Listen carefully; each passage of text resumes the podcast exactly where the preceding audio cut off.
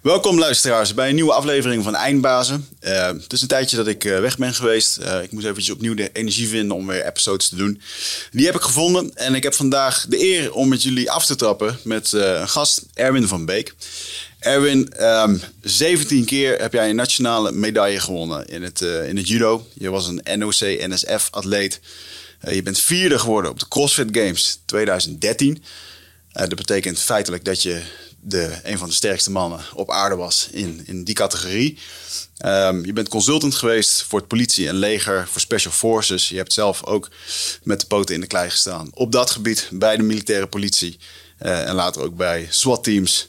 En eigenlijk hele, dit hele um, beeld is denk ik een soort van introductie over wie jij nu bent.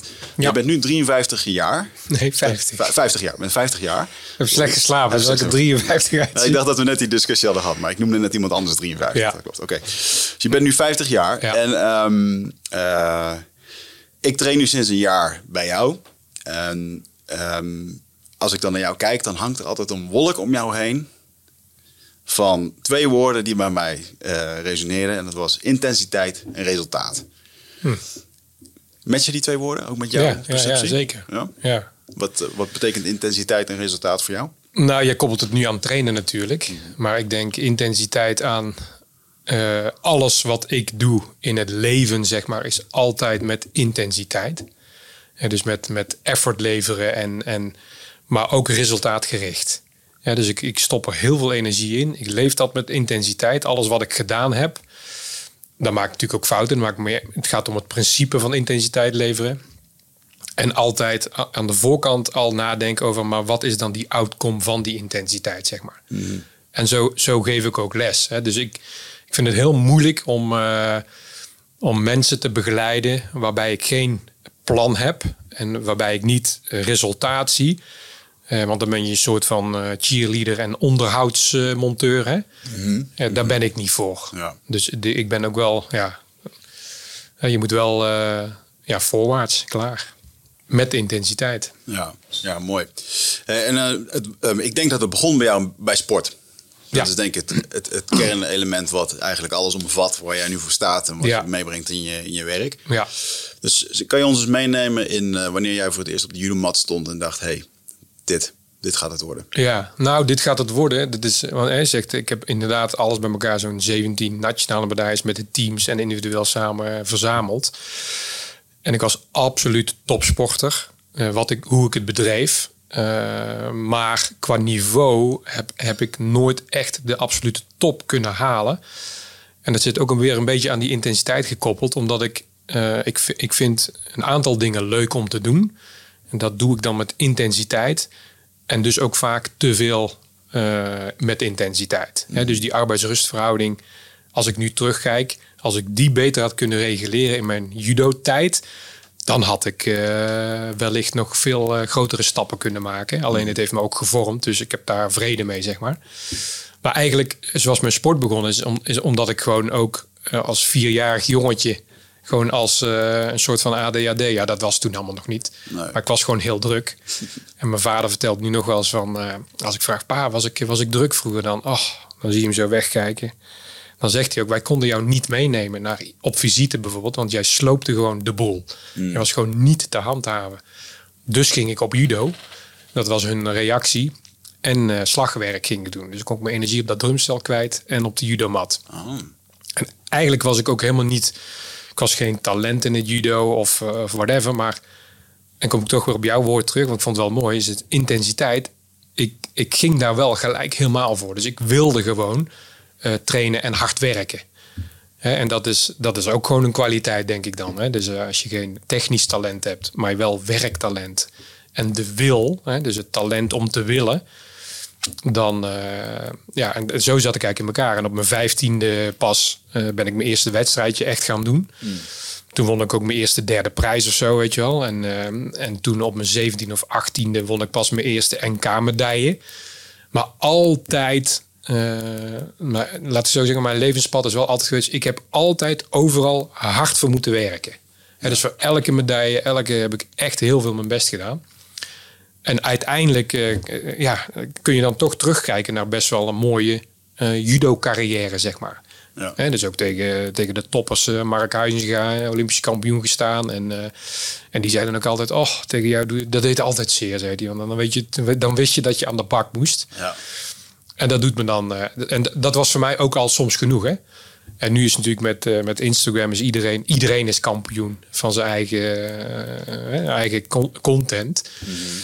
Maar toevallig dat ik een paar weken terug uh, nog in mijn oude album ben terug gaan zoeken van krantenknipseltjes en en de fame was toen eigenlijk van oké, dan hadden we één keer per jaar NK.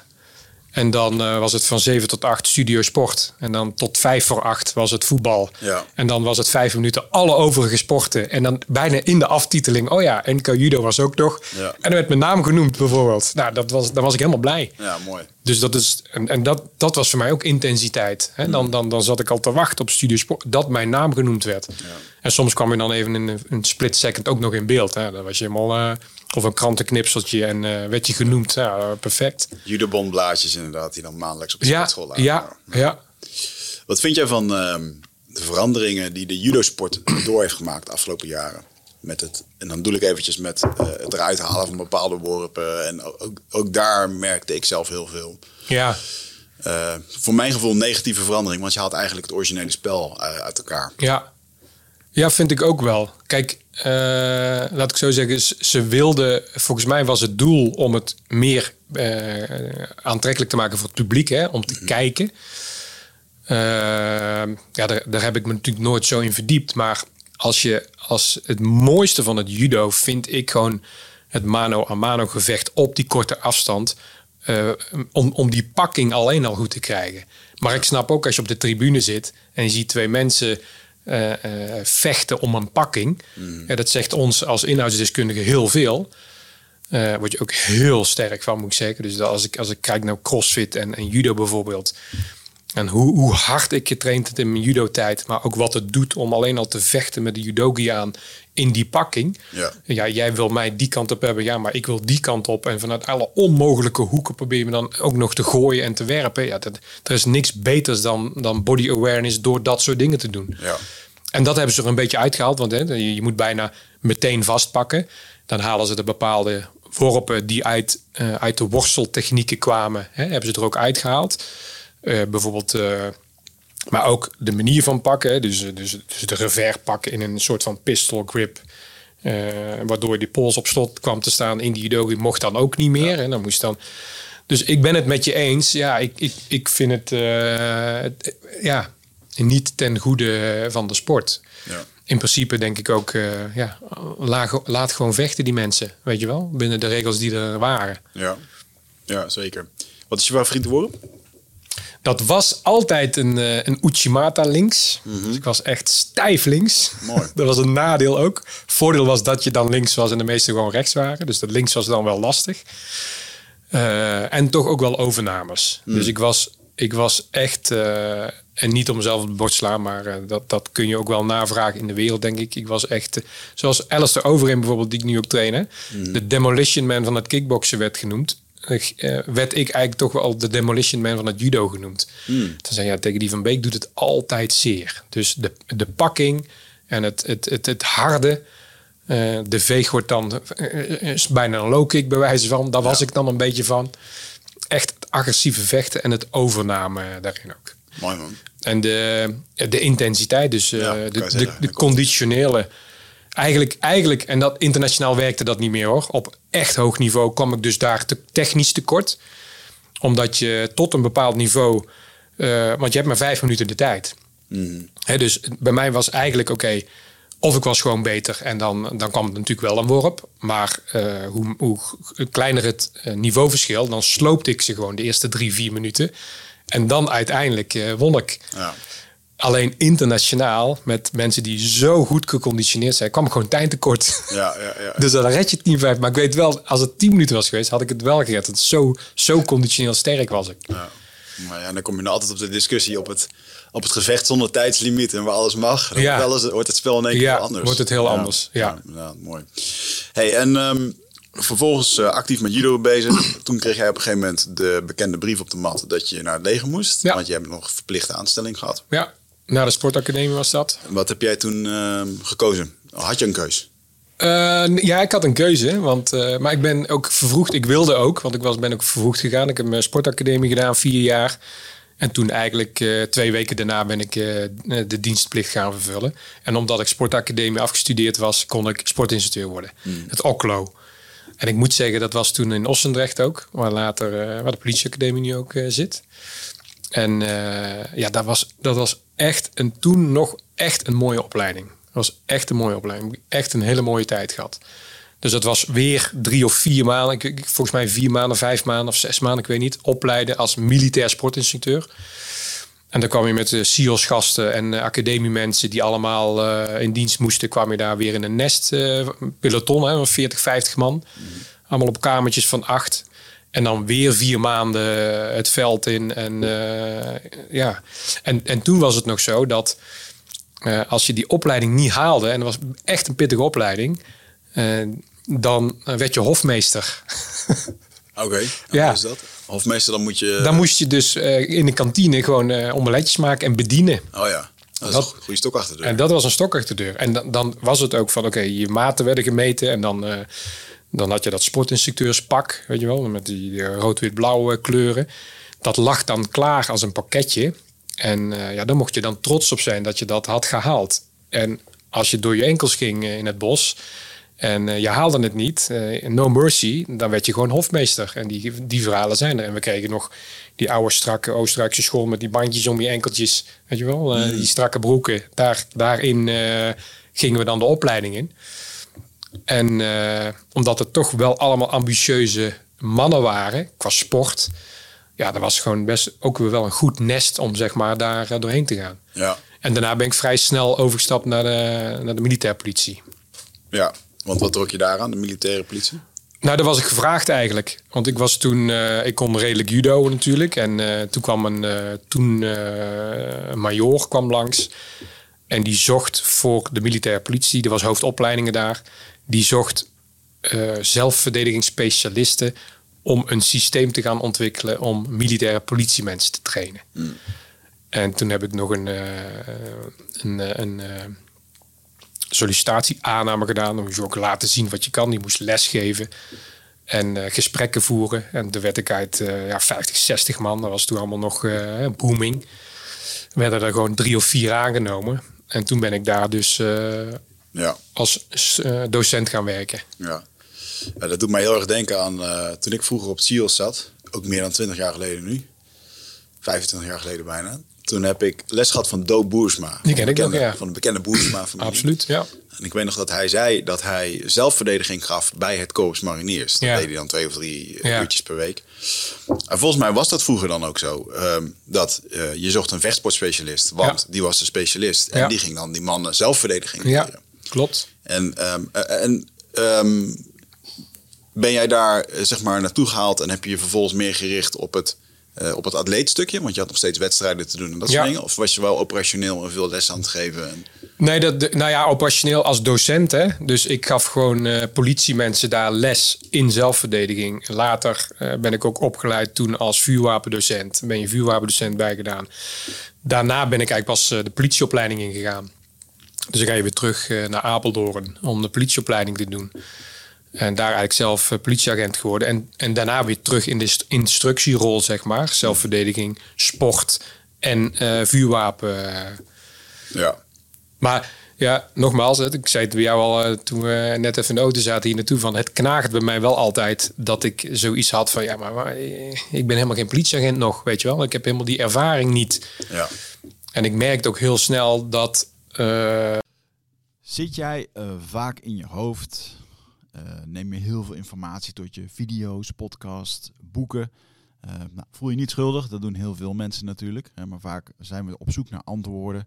Uh, gaan we nog meer informatie tot ons nemen. Terwijl ja, de antwoorden liggen toch echt in onszelf. En dat is iets wat we voelen met ons lichaam.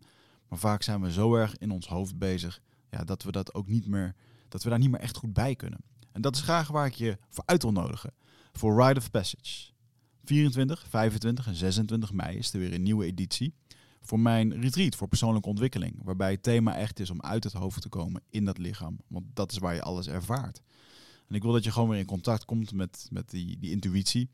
Um, En dan gewoon een heel sterk uh, innerlijk kompas. Dat je gewoon weer weet waar je naartoe moet, wat je te doen staat. En dat je gewoon weer helderheid hebt over wat je wilt en hoe dat je dat gaat doen.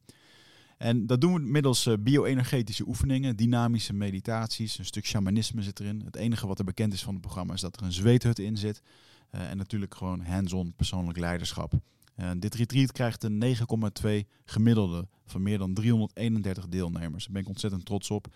Sterker nog, er is ook een money back guarantee. Vind je niks na drie dagen, krijg je gewoon je geld terug. Dus het enige risico dat je loopt, is dat je gelukkiger wordt. Klinkt dit als iets voor jou en durf je het aan? Dan zie ik je op Ride of Passage. Ga naar wichertmeerman.nl en klik op Retreat. Uh, dat omdat je die ervaring niet hebt, had ik de vraag heel erg van: klopt het wel wat wij doen? Dus toen de tijd stond je ook nog, en misschien doen ze het nog wel, op sommige delen. Dat je in judopak in een dojo ging je dan zelfverdediging doen. Judo-achtige dingen, boxachtige dingen. Om die mensen weerbaar te maken. En tuurlijk zit er, zit er iets in vechtsport wat je weerbaar maakt. Maar voor een politieman uh, zijn er natuurlijk zoveel dimensies anders dan bij een zelfverdedigingssport. Dat mhm. dat gewoon anders moest. En dat voelde ik. En daar ben ik eigenlijk op onderzoek gedaan van ja, wacht even. Maar volgens mij moet dat judopak uit, moet die bokserschoenen weg, moeten we uit die dojo en moeten we eigenlijk gewoon veel meer functiegericht scenario uh, gaan trainen. Ja, ik heb hier een term opgeschreven um, die ik vond uh, toen ik jou aan het onderzoeken was. Physical and reality-based training. Ja. Dat is volgens mij, als ik eventjes terugreflecteer naar mijn uh, zwarte band examen uh, Japanse jutsu. Daar waren mensen die konden nog geen stoot zetten zonder een mond dicht te doen. Weet ja. je wel? Ja, weet je, dat gevoel kreeg ik erbij. En ik, ja, kan je eens vertellen wat, uh, en dan denk ik vooral het stukje reality-based training inhoudt. Nou, kijk, als je, de, als je dus, als je dus met een, met een judo-pak en boksenschoenen in een dojo iets staat te doen, dan als je daar alleen al naar kijkt, dan snapt iedereen dat dat dat een ander beeld is, hè? dus niet reality-based, dan dat je op straat ziet. En dus je op straat een straatgevecht of, of, of, uh, of een politioneel gevecht of whatever, een aanhouding of iets ziet, dan zie je, ja, dat ziet er anders uit dan zelfverdediging. En dat was eigenlijk ook mijn, dat ik denk van ja, dit klopt niet. En vanuit bijna de faalangst die ik had van ja, maar wacht even, als ik straks als politieman de straat op moet of mensen moet helpen, dan moet het wel kloppen met wat ik zeg. He, dus uh, dat, die, die, die drang voelde ik altijd. En toen ben ik eigenlijk gaan onderzoeken van oké, maar uh, wat is dan de realiteit waarop je je training moet baseren? Hè? Dus wat is reality-based? Ja. Nou ja, dan ga je gewoon scenario's uh, bekijken van wat gebeurt er nou daadwerkelijk? Uh, klopt dat met wat we nu doen? En wat, wat zouden we dan moeten doen? Ja, en dan blijkt dat er eigenlijk heel weinig van klopte, zeg maar. Ja, want um, wat was dan bijvoorbeeld hetgeen waar jij als eerste uh, van dacht: van, ja, dit, dit kan echt niet? Nou ja, met, met name de hele cultuur achter het trainen. Hè. Dus vaak werd nog, uh, ook bij de politie nog, werd je nog gewoon in judo zit. Uh, met goed ging je dan je les beginnen. Mm -hmm. Ja, bedoel, dan heb je. En ik snap ook dat ik, ik, denk dat een hele grote factor ook binnen de politie nog steeds is dat, de, dat men zegt de politie wil niet trainen. Ik denk dat dat niet klopt. Dat is net als dat ze in het onderwijs zeggen de jeugd wil niet leren. Ik denk dat de jeugd echt wel wil leren, maar die ruikt ook bullshit. En een politieman die denkt ik wil politieman of politievrouw worden. Ik heb een uniform aan, ik draag een wapen, ik wil mensen helpen, ik wil bijdragen. Ik denk dat dat de initiële kenmerken zijn van mensen die dat willen. Ja. En dan, en dan gaan ze in één keer in judo pak, in judo zit, of boksen, of judo, of, of een blend van. Zij voelen onderbewust van, ja, maar dit, hier heb ik niet voor getekend, zeg maar. Dit wil ik niet. Wat gaan ze dan doen? gaan ze zich afzetten. Net als dat je hè, een leraar die niet inspireert op school of zo. Dat je denkt, ja, dit is gewoon een bullshit verhaal. Daar luister ik niet aan. Komt in de krip en dan ben jij in één keer een lastige leerling. Ik denk dat we het om moeten draaien. Dus ik denk dat leraren in het algemeen zich gewoon veel beter af moeten vragen. En dus ook docenten bij de politie van wat ben ik aan het doen? Klopt dat met de realiteit? En wat is de feedback van die politiemensen? En daarin gewoon twee kanten op eerlijk zijn. dus, uh, maar, maar, maar dus het judopak, de, de handschoen, de hele cultuur eromheen. Uh, ik ben toen ook begonnen met de, met de kont in de krip te gooien. Door gewoon met mijn schoenen die dojo in te lopen, weet je wel. In plaats van ze uit te doen, gewoon als statement van ja, dit, dit is geen dojo, zeg ik dan. Dus ik kan, je kan wel een Japaner weghangen met een foto van een Hirokano of wat Ja, dan ook. ja, zeg maar, dit is geen dojo en het moet ook geen dojo zijn. Dus die cultuur moet anders. Dit is een oefenruimte. En dat je een mat gebruikt omdat je wel eens valt. En dat, dat kan natuurlijk allemaal nog. Hè, want je hoeft niet meteen eh, daadwerkelijk op straat, op je tegels. Eerste basis, prima. Maar niet, niet in een judo-setting. Hè, dan, dan lopen we gewoon met onze kisten die judomat op. Of Ja. die mat op. Ja, reality-based. Ja. Ja, mooi. En het is ook sneller. Want je bent de helft van de tijd, hoef je niet meer eh, te investeren. En iedereen zegt altijd, we hebben zo weinig tijd. Nou, je hebt niet weinig tijd. Ja. Je, je, je hebt geen prioriteit. Dat is een interessant over die tijdbesteding. Want eh, natuurlijk wordt er in dat soort opleidingen wel aandacht gegeven aan een stuk zelfverdediging en eh, het, het beheersen van geweldsbeheersing. Ik denk te weinig. Ik denk dat dit jouw mening ook is. Ja. Maar ik denk dat er nog een veel groter gevaar is, is eh, de continuïteit na de opleiding. Ja? Want zouden ja, ik vind het een mooie opvatting om te zeggen dat deze eh, specialisten in het blauw of in het groen eigenlijk 20 tot 30 procent van hun tijd bezig zouden moeten zijn met ehm, ja, het trainen van dit soort scenario's en het trainen van Ja. eh, vechtsport, Ja. wat eraan bijdraagt. maar, maar kijk naar SF-mensen. eh, buiten het AT, denk ik.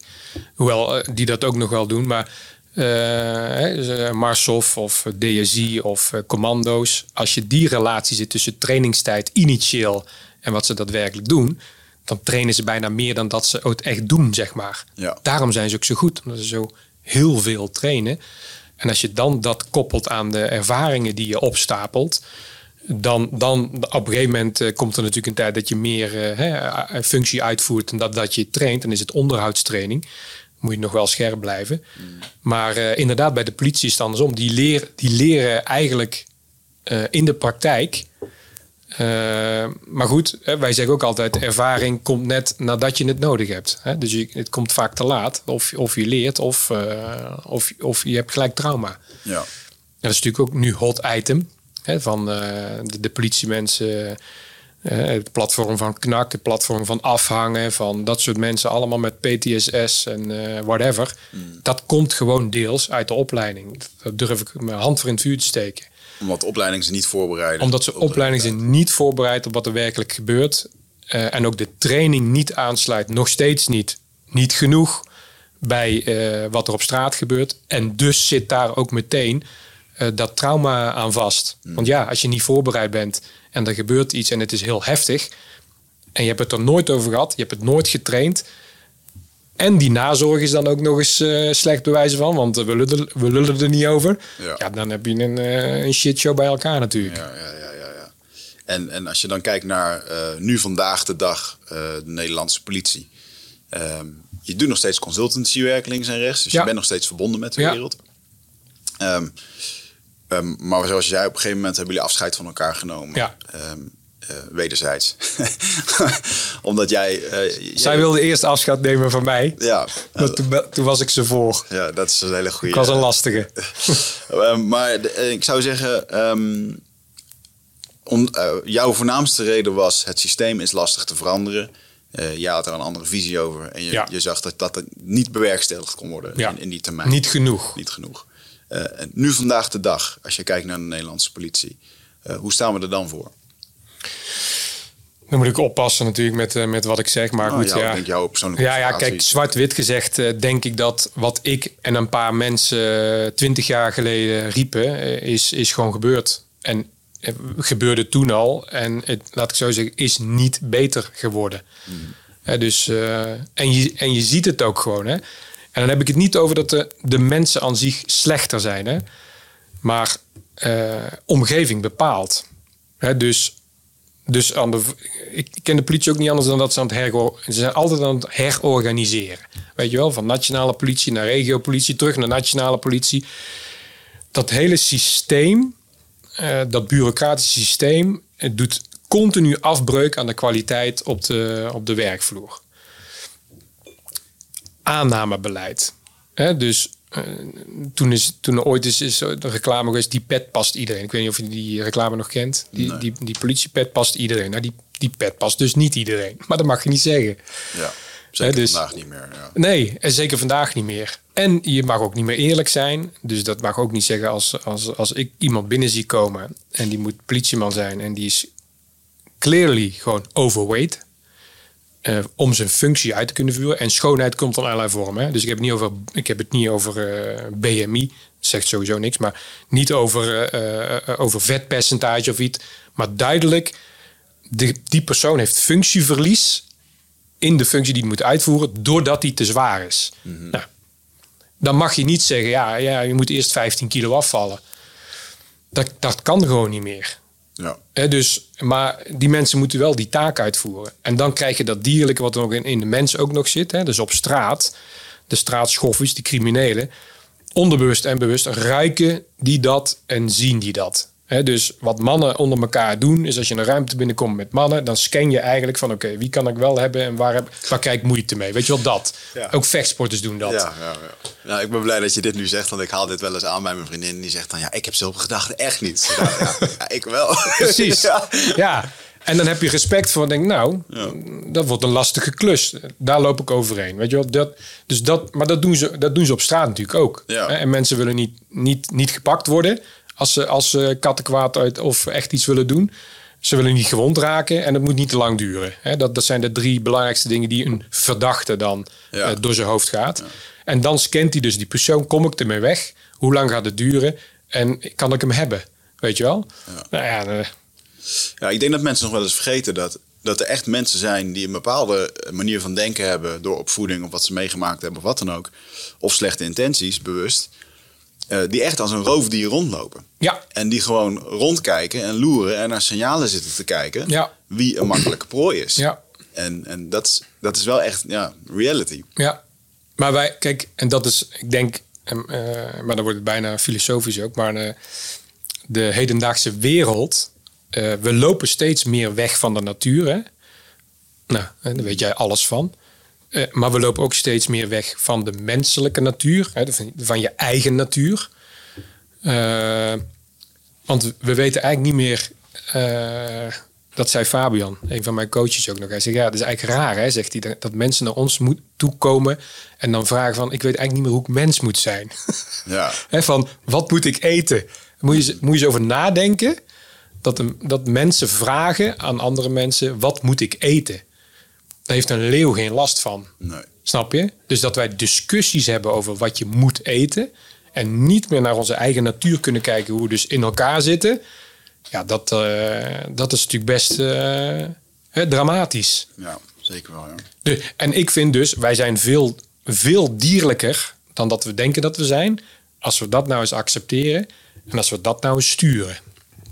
Dan denk ik dat je, en dan heb je het over persoonlijk leiderschap natuurlijk. En denk jij dat er genoeg ehm, persoonlijk leiderschap eh, wordt toegevoegd nu aan de opleidingen die eh, met dit soort geweldsspectrum te maken hebben? Nee. Want zelfverdediging is één ding, maar persoonlijk leiderschap en emoties, omgaan met je gedachten, Ja. en, en dat is ook nog wel een ding. Ja, dus het, het, is, het is bijna een ecosysteem, zeg maar. En het ecosysteem is nu zo verstoord dat dat hele kaarthuis in elkaar dondert eigenlijk. En je ziet dat gebeuren al jaren. En nu, nu, nu gaat het alleen maar sneller. En dan wil ik niet heel negatief zijn, want er zijn natuurlijk altijd goede mensen. Er zijn altijd goede docenten. Er zijn altijd goede trainingen binnen de politie, ook nu, weet je wel. Dus er zijn echt wel goede mensen. Ja. En ik heb ook contact met goede mensen. Eh, maar als je het op de schaal eh, bekijkt van waar de politie naartoe gaat, dan, ja, volgens mij heb ik het in elke podcast die ik doe, roep ik het dan. Dus ik je kan, je kan in een dorp, hebben ze wel eens gevraagd van, oké, je kan daar twintig politieagenten laten rondlopen en, en, en ze hebben niks voor elkaar. Of je kan daar één goed opleiden en gebeurt er niks meer. Die heeft alles onder controle. Ja. Dus het gaat niet om kwantiteit, het gaat om kwaliteit. En eigenlijk denk ik dat dat over heel veel eh, linies, ook van, van de mens zelf, maar dat soort dingen gewoon Ja. geldt. Kwaliteit, kwaliteit, kwaliteit, competentie, competentie, competentie. En dan schalen in wat heb je nou eigenlijk nodig. Ja. Ja, ik vind het soms nog wel eens lastig om, eh, om, het, om het hier ook over te hebben in de zin van.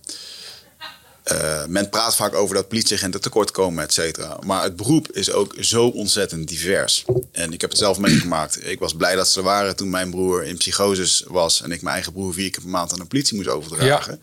Omdat hij eruit intrapt of wat dan ook. Ja. Uh, en dan iedere keer die agenten op de stoep, die dan een uurtje bij ons waren. En vervolgens gingen weer een melding en dan kon je weer naar de volgende. Ja. Ik heb, ik, ik, dat vergeet ik nooit meer, dat ik op een gegeven moment bij de Albert Heijn stond in, uh, in Utrecht. En uh, er reden twee mensen elkaar bijna aan. Kregen wat, een beetje bekvechten. En op een gegeven moment stapte er een, een meneer uit. En die, die heeft een soort handdoek waar hij doet alsof hij een pistool onder heeft. Ja. Die staat zo van, en nu wat? Ja. En dus die vrouw die springt uit de, de auto en die die roept naar mij van bel de politie, hij heeft een pistool. Dus Ja. ik dacht, nou oké, ik bel de politie al. En daar heb ik altijd zitten, altijd aan zitten denken. Hoe dat eigenlijk vervolgens was. Ik, die man was ik vervolgens kwijtgeraakt. Vervolgens stond ik in de supermarkt mijn aardappelen te pakken. Word ik door een onbekend nummer gebeld. Was het de politie? En toen zei ze, ja, je hebt net gebeld over die man met het pistool. Is die er nog steeds? Ja. En ik kijk rond en hij stond naast me in de Albert Heijn. Dus ik zei, ja, die staat nu hier aardappelen te pakken in de Albert Heijn. Dus alleen ene naar de Albert Heijn, dit en dat. En dat is me altijd bijgebleven. Je zult maar zo'n melding krijgen. Ja. Hè, je krijgt 2000 euro per maand of wat is het? Ja, Eh, ik weet het niet. veel. ehm, Ja. En vervolgens krijg je, Ja, maar je een moet, melding. daar begint het al, hè? Want eh, in, dan kom ik weer terug op de intentie. Ik heb nooit iets gedaan voor het geld. Ik heb altijd dingen gedaan omdat ik ze wilde doen. Dus je wil politieman worden, je wil de zorg in. Ja. Dan kijk je natuurlijk aan de voorkant, ja, wat levert dat eigenlijk op? Dat snap ik nog wel. Ik heb daar overigens nooit gedaan. Ik heb nog nooit stilgestaan bij eh, van wat levert het op? Want anders was ik niet gaan judo, was ik wel gaan voetballen bijvoorbeeld. Maar ik koppel het even aan het gevaarstukje. Van wauw, ehm, je krijgt nu een melding. Er staat een of andere Ja. eh, mafkees met een potentieel met een pistool in de supermarkt. Ja. En die mag jij even gaan ophalen. Ja, En, en voor dat geld en voor dat al het Ja. risico je loopt. En een uur later heb je het weer met, eh, met al die Ja. dingen wat op een dag Nee, gebeurt. maar, maar Wauw. dat is dus een vraag die ze moeten stellen. Want bij de politieacademie bijvoorbeeld in de basisopleiding. eh, wat, ze eigenlijk, wat ze eigenlijk doen is, is een, ik ga best ver, maar, maar in de basis is eh, een wapen is gereedschap. Net zoals een timmerman een hamer gebruikt, heeft een politieman een pistool. Ja. Alleen men wordt, vind ik, vinden wij, en dat kunnen we ook aantonen dat het, dat het eigenlijk zo is. Ze worden aan alle kanten bang gemaakt voor het gereedschap. Om dat gereedschap te gebruiken. Ja. Want ze worden erop afgekeurd of, of afgerekend. Ja. Hè, dus ja, ehm, en zo waren de lessen ook vroeger ingedeeld. Hè. Dus dan stond je voor een greenscreen stond je AMS-instructie te schieten. En dan daarna, want de docent vond het dan eh, lekker van ja, mocht jij wel schieten? En dan eh, allerlei wettenregels gaan. Ja, nee, ja, dat had niet. Dus, dus mentaal gezien wordt de drempel om zo'n wapen te pakken, om je gereedschap te pakken, wordt, wordt verschrikkelijk hoog. Daar zit ook een stuk ellende. Ja. Dus ik vind, en dan terugkomen op de melding bijvoorbeeld, van eh, in die politieacademie, de eerste vraag die ik jou stel is: oké, ben je bereid iemand dood te schieten? in je aannamegesprek, ik noem maar wat. Als iemand dan helemaal geschrokken, ja, maar de- daarvoor kom je niet naar de politie. Nee, ja, wa- wacht even. Dan, snap je? Dan, dan weet ik al, oké. Maar iemand die zegt, ja, daar heb ik over nagedacht. En eh, mijn doel is om dat natuurlijk tot het laatste moment eh, uit te stellen. En, en ik hoop dat het niet nodig is, maar ik wil me heel graag voorbereiden op dat moment. Zoals Jordan Peterson zegt, een man moet een beest zijn. Ja. Die moet het kunnen, maar hij moet het beheersen. Zo moet de politie beestachtig zijn. Vrouwen, mannen, met hun gereedschap. En dan moeten ze het beheersen. En je kan het ook alleen in die volgorde beheersen. Andersom beheers je het dus niet. Nee. Want je pakt het of te vroeg, of te laat.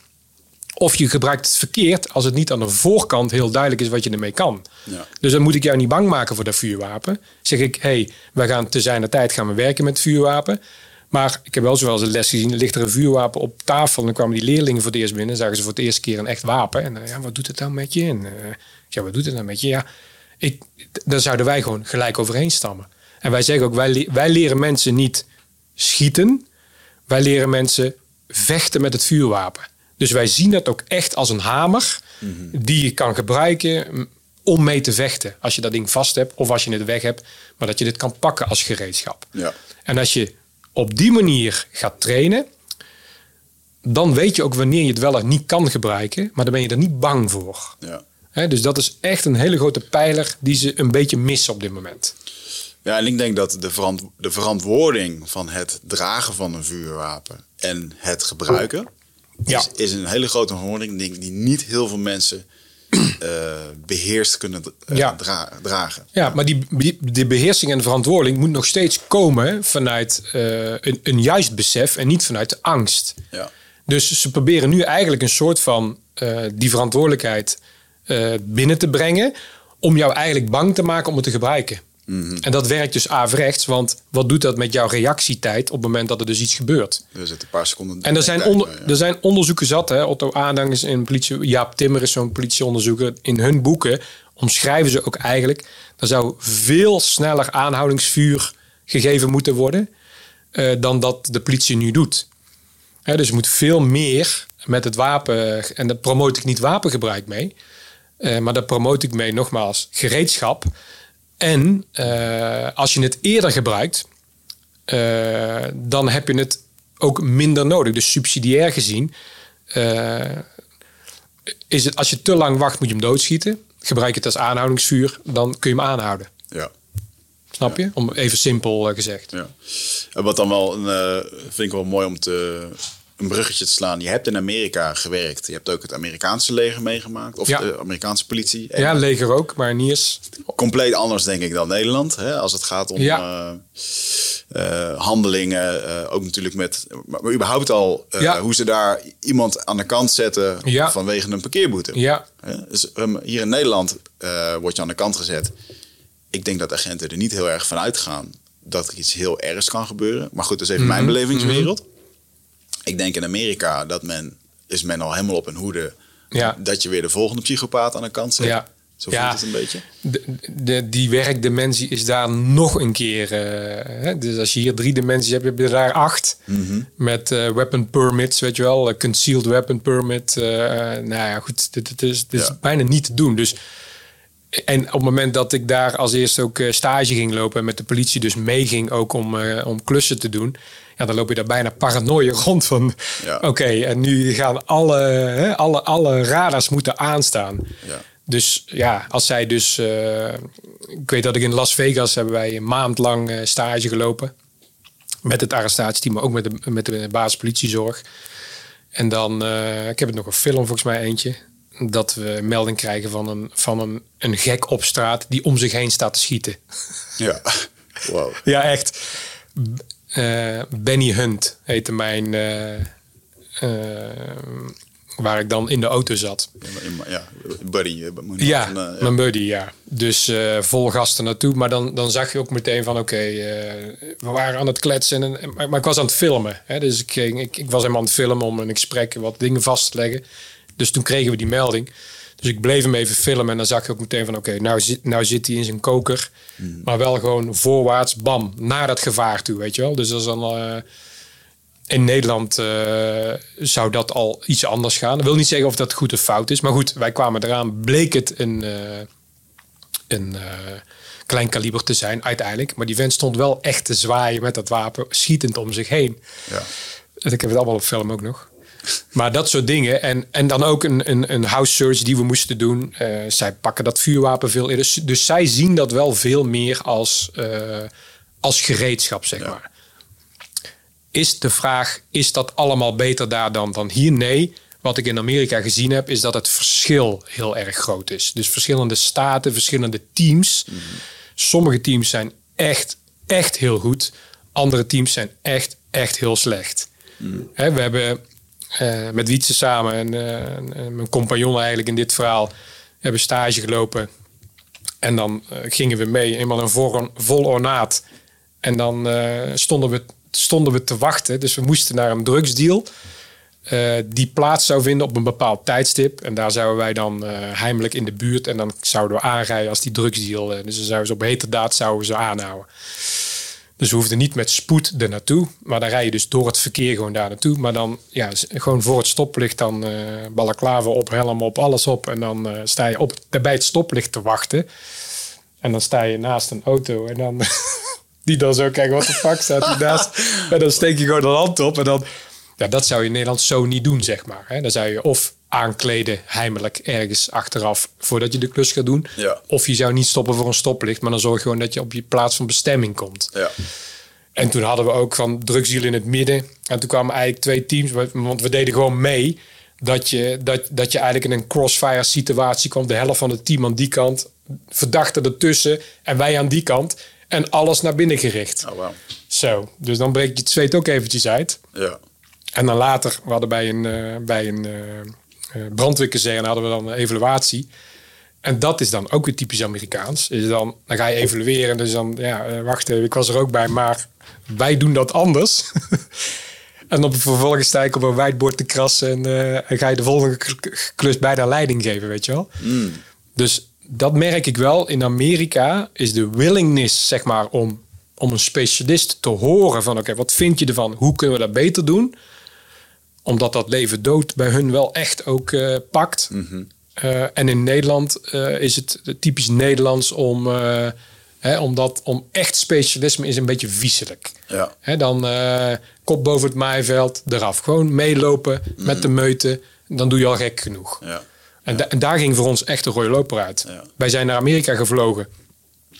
En dan hadden we altijd een begeleidende brief met al onze shit in die tassen.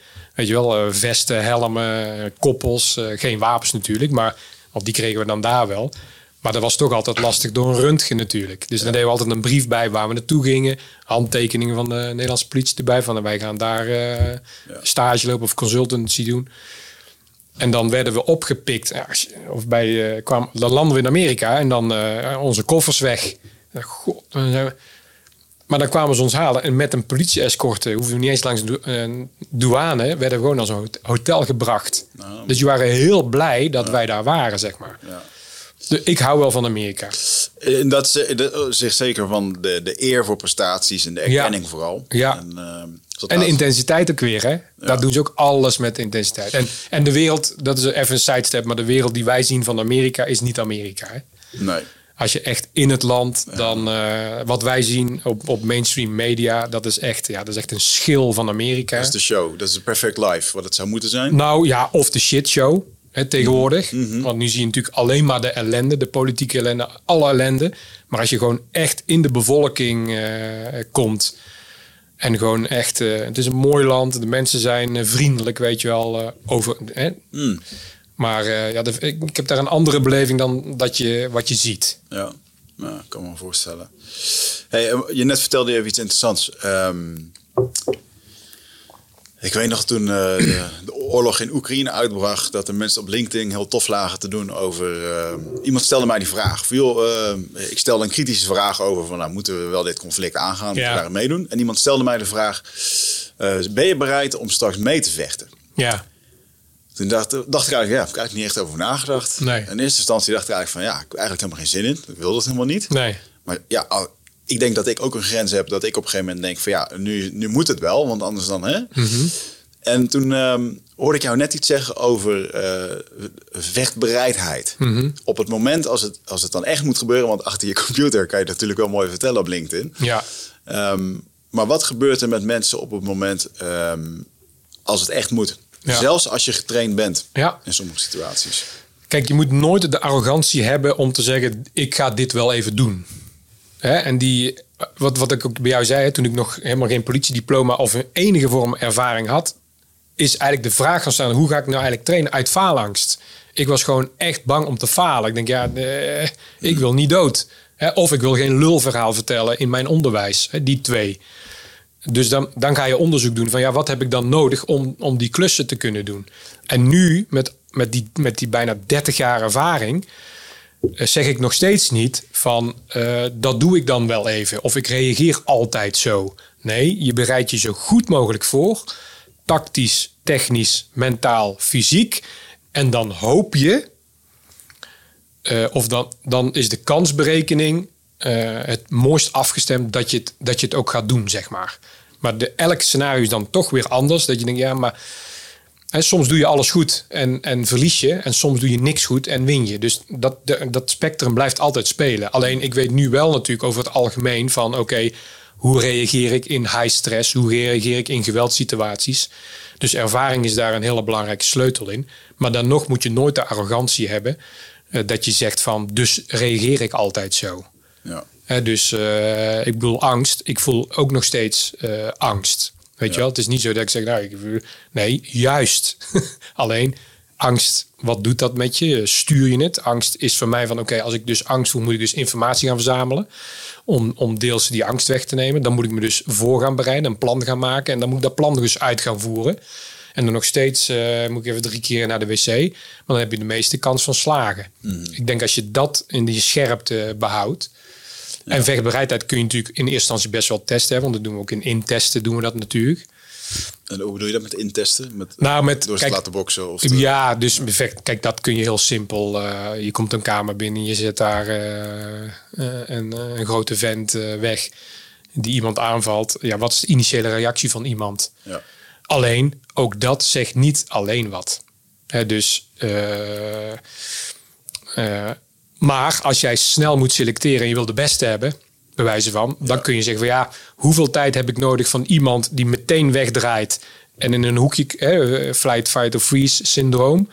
Dat zit na, na de initiële reflex, hè, maar, maar als je mensen hebt die wat meer vluchtgeneigd zijn of bevriezingsgeneigd zijn, dan kun je deels trainen. En dat kan ook door het scenario komen waarom ze zo reageren. Dus het zou je kunnen analyseren en zeggen, nou, dat is best wel trainbaar. Ja. Maar ten opzichte van iemand die bijvoorbeeld initieel bam voorwaarts gaat en denkt ik ga dat gevecht aan, Ja. zou je kunnen zeggen is dat slim? Snap je? Dus dat is ook nog maar de vraag wat is het scenario. Maar met de opleidingstijd die je hebt, ga je dat dan allemaal filteren in allerlei andere scenario's ook met tactiek en techniek.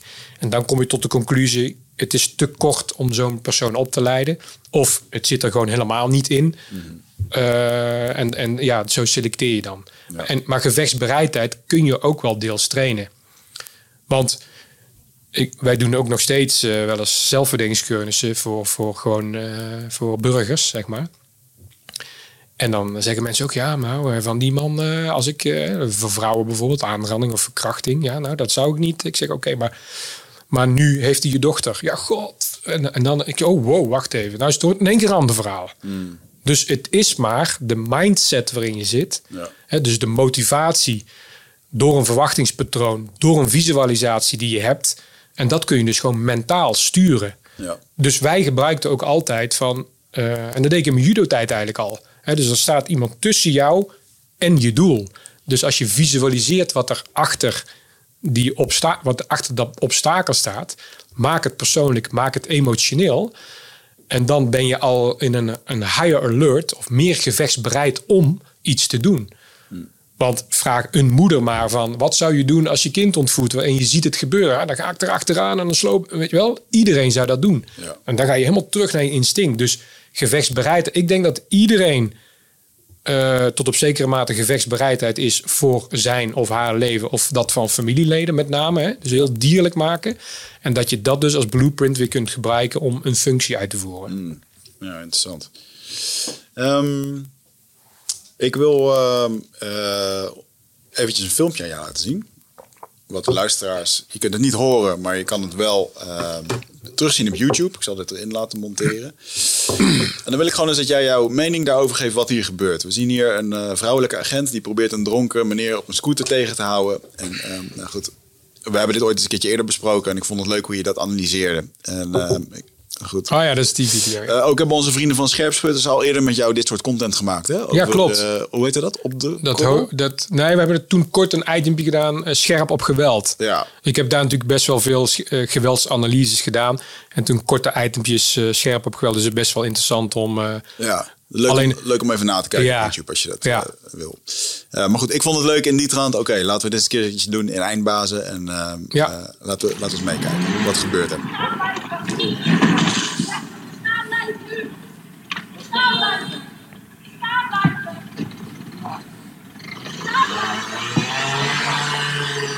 Ja. Ja, ik snap dat het op Dumpert staat en ik snap dat mensen erom lachen ook. Hè? En, en als je de, de, de comments leest, dan snap je ook de comments nog. Kijk, waar, waar ik altijd mee op eh, wil passen en moet passen. En dan vind ik dat je, dat je zeg maar een waardeoordeel over de politieagent eh, in dit geval velt. Hè? Wat, wat ik altijd probeer te doen is oordelen over de situatie dan oordelen over het onderwijs, omdat dat mijn ding is. Zeg maar, hoe train ik mensen? Ja.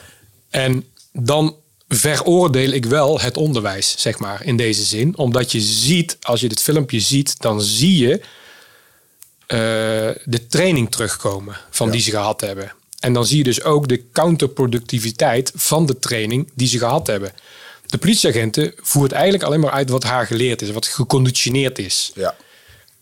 En wij roepen al twintig jaar eh, dat foute conditioneringen kunnen leiden tot hele gevaarlijke situaties. Ja. Hier wordt het niet eens gevaarlijk, eh, maar hier ben je gewoon een, eh, een verdachte kwijt. En, is het, en wordt het gewoon een komische situatie. ja. En wat, wat, eh, eh, wat zie je dat er gebeurt en wat had er moeten gebeuren? Ja, dus eh, hiervoor nog. Hè, dus dan zet ik hem eventjes eh, heel simpel gezegd. Je hoort haar staan blijven eh, zeggen. Nou, hoe wordt er initieel getraind in de politieopleiding? Compliance. Hè, noemen ze dat. Dus ik werk, ik werk mee. Dus op het moment dat wij in een dojo in een steriele situatie zitten, dan, eh, zeggen, dan is het vaak van: oké, jij komt voorwaarts naar mij toe, want je wil wat. En ik zeg: eh, blijven staan. En dan blijf jij staan. Snap je? Op het moment dat jij niet blijft staan, dan is de doctrine bij de politie standaard basis is: ik stap naar achter, want ik wil een veilige afstand creëren. Daar kunnen we een boek over schrijven wat veilige afstand is, want 2, 3, 4, 5, 6, 7 meter is helemaal geen veilige afstand. Dus er is geen veilige afstand meer als er contact is. Dus als jij, als jij beslist met een mes op mij af te stormen, dan heb ik niet genoeg aan 7 meter om eh, zeg maar weg te kunnen komen. Dan heb ik meer afstand nodig. Dus da- daar zit al een discrepantie. Hè? Dus jij komt voorwaarts, maar in trainen doe je vaak: oké, jij komt voorwaarts, ik zeg eh, meneer staan blijven en jij blijft staan. Dus dat, daar krijg je een, een, een verwacht mede, dat, dat conditioneer je in. Ik zeg jij blijft staan, jij blijft staan. Ja. Nu zie je hier, blijven sta- hij blijft niet staan. Nee. Wat doet zij? Dat zie je. Ik denk dat ze eerst nu de sleutel probeert te pakken. Kijk, dit, hier had ze moeten volharden. Dus jij beslist om voorwaarts te gaan en een sleutel te pakken, zodat je niet op die scooter kan pakken. Dan pak je dus die sleutel. Nu stapt ze weg. Dus ze maakt ruimte. Tweede ding bij de politie in de opleiding is staan blijven. Nee, je blijft niet staan. Ik maak ruimte naar achter. Dus het is achterwaarts georiënteerd. Je zit hier, zij is achterwaarts georiënteerd, niet voorwaarts georiënteerd. En omdat dit in de opleidingen continu terugkomt, het naar achteren lopen met waarschuwen, blijven ze dat doen. En dat blijven ze zo vaak doen dat er andere filmpjes zijn, is dat er filmpjes zijn waar mensen gewoon twintig keer waarschuwen en maar achterwaarts blijven gaan. Ja. Omdat dat Veiligheid betekent. ja, veiligheid betekent. En omdat dat eh, aangeleerd is van ja, als iemand dus naar voren stapt, stap jij naar achter om die veilige afstand te houden. Je zou ook kunnen zeggen, ik bedoel, stap, stap eens naar voren, wat gebeurt er dan? Mentaal, fysiek, bij de agressor bewijzen van. Ja, hier ook. Stap, ze Ja. stapt naar voren, dus toch kennelijk maakt ze ook oh, even naar voren. En dan, oh nee, stapt ze toch weer naar achter. Dus die twijfel, omdat je zo vaak achterwaarts georiënteerd getraind hebt, vertraagt je eh, actietijd. Ja. Dus alles, alles duurt langer als je niet volhardt in jouw beslissing die je daar neemt. Dan zie je ook, je ziet het hier al, eh, ze gaat naar de, naar de middelen toe. Zie je? Dus politie eh, is achterwaarts georiënteerd en middel georiënteerd. Dus dat betekent, als iemand niet luistert, dan schaal ik op in middelen. En vroeger was dat eerst fysiek, dan was het wapenstok, dan was het pepperspray, dan is het vuurwapen. Nou, nu hangt daar wel of niet eh, een taser weer, eh, weer bij. Eh, en dan krijg je Hicks Law. Is dat, oké, dus hoe meer keuze ik heb, hoe minder snel ik een keuze kan maken. Hè, dan kun je met kinderen heel goed doen. Als jij met je dochter legt één snoepje weg op tafel en zegt, oh je mag een snoepje pakken. Dan pakt ze dat snoepje. Want daar ligt één snoepje. Maar als jij daar twintig snoepjes weglegt, of, of vijf of tien, je mag één snoepje pakken. Eh, dat duurt langer en dan past ze de favoriete snoepje. Ja. Dus die reactietijd vergroot je door middel georiënteerd te zijn. En dan moet zij ook nog een keuze maken, want zo worden ze dan opgeleid. Ja, maar als hij dit doet, dan mag je wapenstuk. En als hij dat doet, dan mag je eh, pepperspray. En als je dit, ja, dan moet je misschien pepperspray. En allemaal, die wetteksten gaan door haar hoofd. Weet je, als allemaal vertraging op wat ze eigenlijk zou moeten doen. Dus, en tuurlijk moeten we ons aan de wet houden. En moet de politie zich aan de politiewet houden. Maar de politie heeft, eh, de, eh, staat in de wet, eh, dat je gewoon geweld mag toepassen. Proportioneel, subsidiair. Dat is het gegeven. En dat aan zich zou je moeten trainen zonder belemmering daarin. Ja. Hè, dus, dus onze doctrines zijn ook altijd voorwaarts georiënteerd. Ja, maar dat is levensgevaarlijk. Dat is niet levensgevaarlijk. Dat is minder gevaarlijk dan achteruit lopen, middelgeoriënteerd en continu dus achter de feiten aan. Eh, want wij gaan altijd uit van wie stuurt nou het hele scenario. Dat is altijd de bad guy, Ja. hè, dus de verdachte. Degene die actie maakt. Ja. En hier dus ook, hij bepaalt wat er gebeurt. Niet de politieagenten, dat wil ze graag. En dat, in training is dat wel het geval. Want jij stapt naar voren, ik zeg stop en jij blijft stoppen en ik kan jou afboeien. Ja. En soms gaat het in scenario's, hè, leren ze ook wel, maar het is nog te veel achterwaarts georiënteerd. Het is te veel koppelgericht. Ook gevaarlijk, hè? want als hij, als hij bijvoorbeeld eh, die scooter net eh, viel, naar haar toe eh, stormt en zij zoekt dus naar de middelen. Waar zou jij je handen willen hebben als iemand op je afstormt op zo'n korte afstand? Waar zou je die handen willen hebben? Bij je koppel of ergens anders? Als iemand op mij afstuurt, Ja, ja, dus- dan wil je verdedigen. Ja, je- en, dat is, en dat is ook wat je gaat doen. Ja. Hè? Dus jouw handen komen tussen jou en, en het gezicht en de agressor. Maar je hebt geleerd om, om dit te doen. Ja. ja, dan zit hij in your face en met alle gevolgen van dien. Ja, ja. Dus hè, wij zeggen ook, dus trainen voorwaarts georiënteerd, niet middelgericht. Dus eerst het lijf trainen, de mindset trainen en de tactiek trainen. En dan aan, daaraan vast hang je dus materialen waar ze niet bang voor zijn. Ja. En hier zie je eigenlijk alles terug wat er in het onderwijs niet klopt, zeg maar. En dan loopt het hier goed af. Maar stel dat hij nou echt agressief naar haar was geweest. Wat gebeurt er dan? Ja. Ja, want ik maakte toen een opmerking naar jou van ja, je springt gewoon achter op zijn rug en je chokt hem uit. Dus jij van ja, maar je gaat niet BJJ op de, in een straatsituatie doen, want Nee. eh, dat is ook niet een. eh, Nee, nee, kijk, en vechten is een tactiek op zich. Dus en, en, en inderdaad, eh BJJ op, eh, achter op zijn rug. En, eh, maar goed, stel je springt achter op zijn rug, maar hij is best wel fors. En je zit op dat scootertje en je valt samen. Dit is ook allemaal ellende. Maar wel, wel voorwaarts georiënteerd. En dan zijn er dus gewoon zeg maar tactieken die je kunt gebruiken om zo lang mogelijk op je voeten wel het gevecht aan te gaan, Ja. maar met zo min mogelijk risico. Ja. En daar hoort trekken niet bij, zeg maar. Daar hoort niet het choken bij. nee. Het verhaal van de nekklem eh, Den Haag natuurlijk. Hebben we dan ook nog van, ja, die, die, die, die nekklem van achter, moeten we dat dan doen? Krijg je daar weer. Maar er komt ook, ja, mensen weten eigenlijk niet meer wanneer ze wat toe kunnen passen. Nee, ook niet hoe goed hoe. En ook niet goed hoe. Maar, maar ook nog de vraag, wil, je- wil je dat op straat? Wil je dan liggend op iemand eh choken met alle omstanders eromheen, met het gevaar eromheen? Ja. Dus wij leren mensen om zo lang mogelijk op de voeten te staan. Hmm. Altijd, ten koste van wat?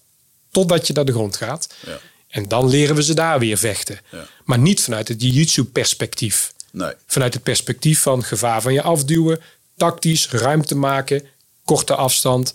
En dan gewoon de, de controle pakken, zeg maar. Hm, interessant.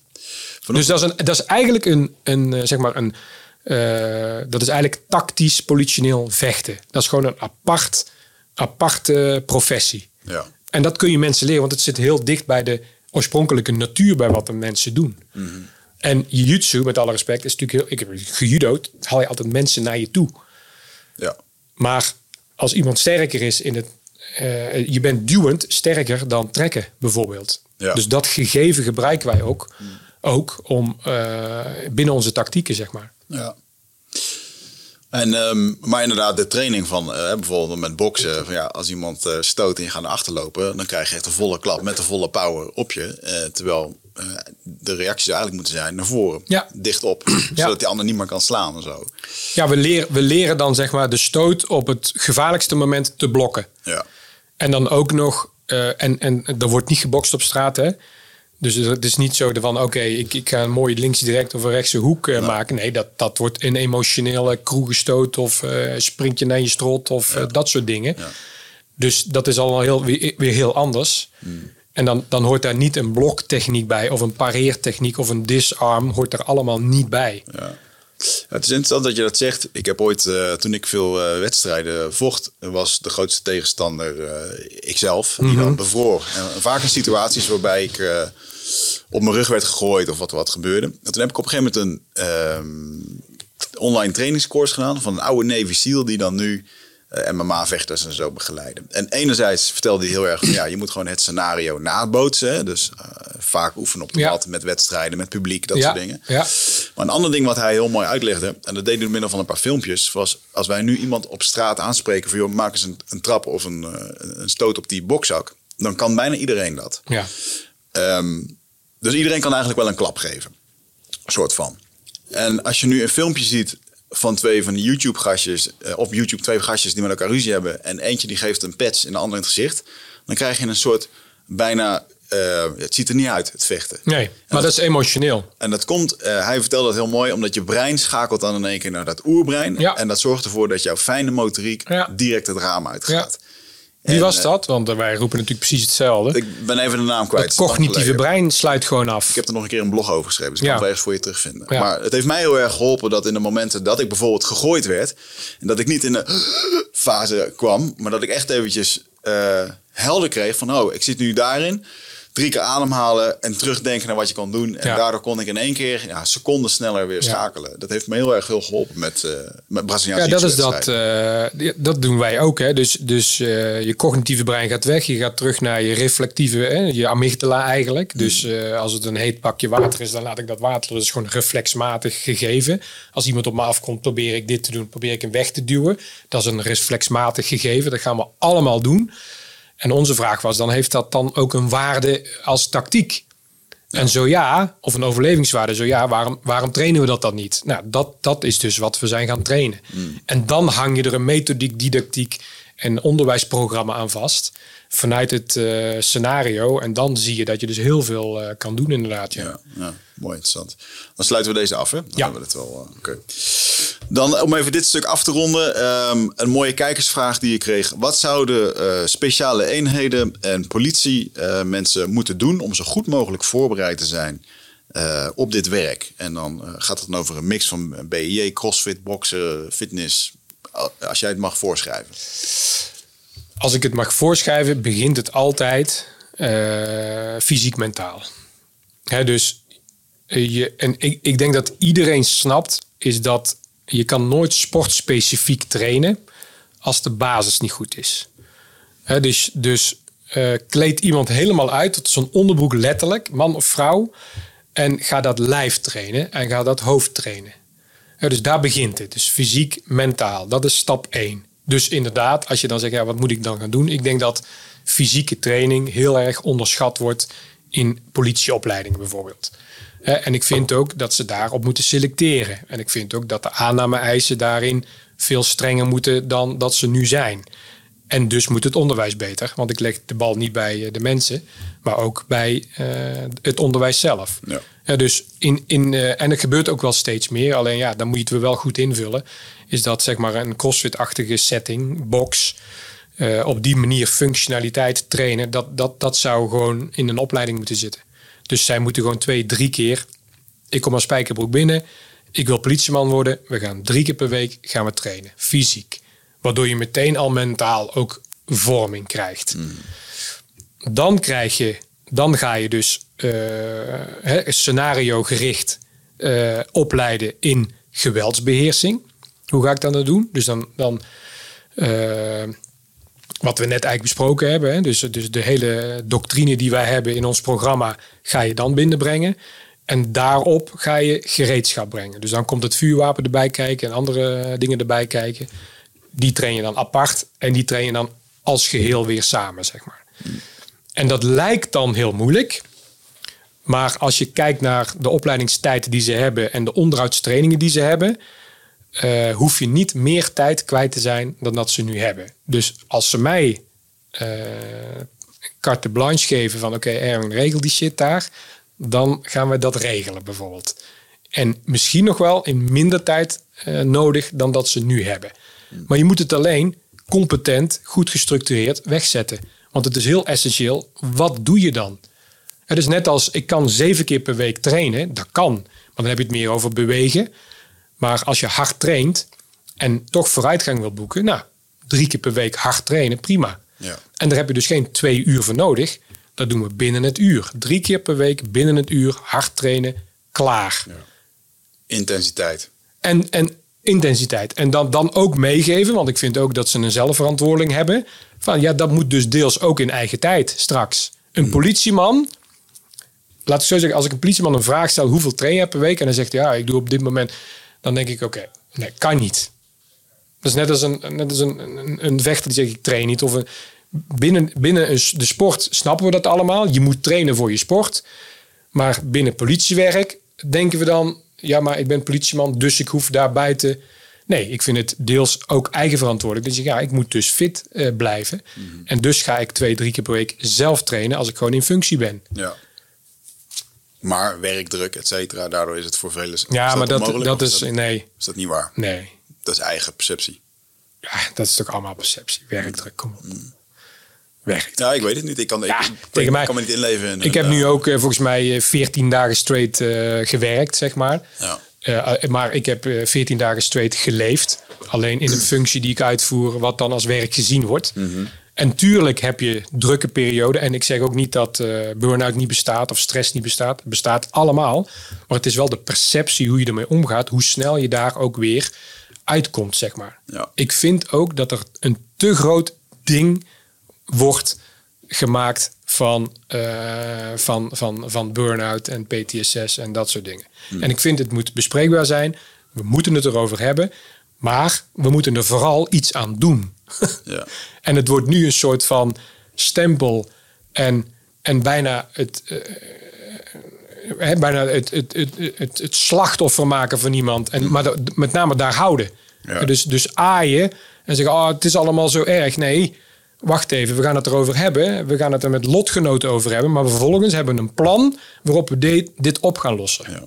En als je dat heel vroegtijdig doet in een opleiding al, dat je dat meeneemt in je onderwijs, dan voorkom je dus heel veel problemen. Ja.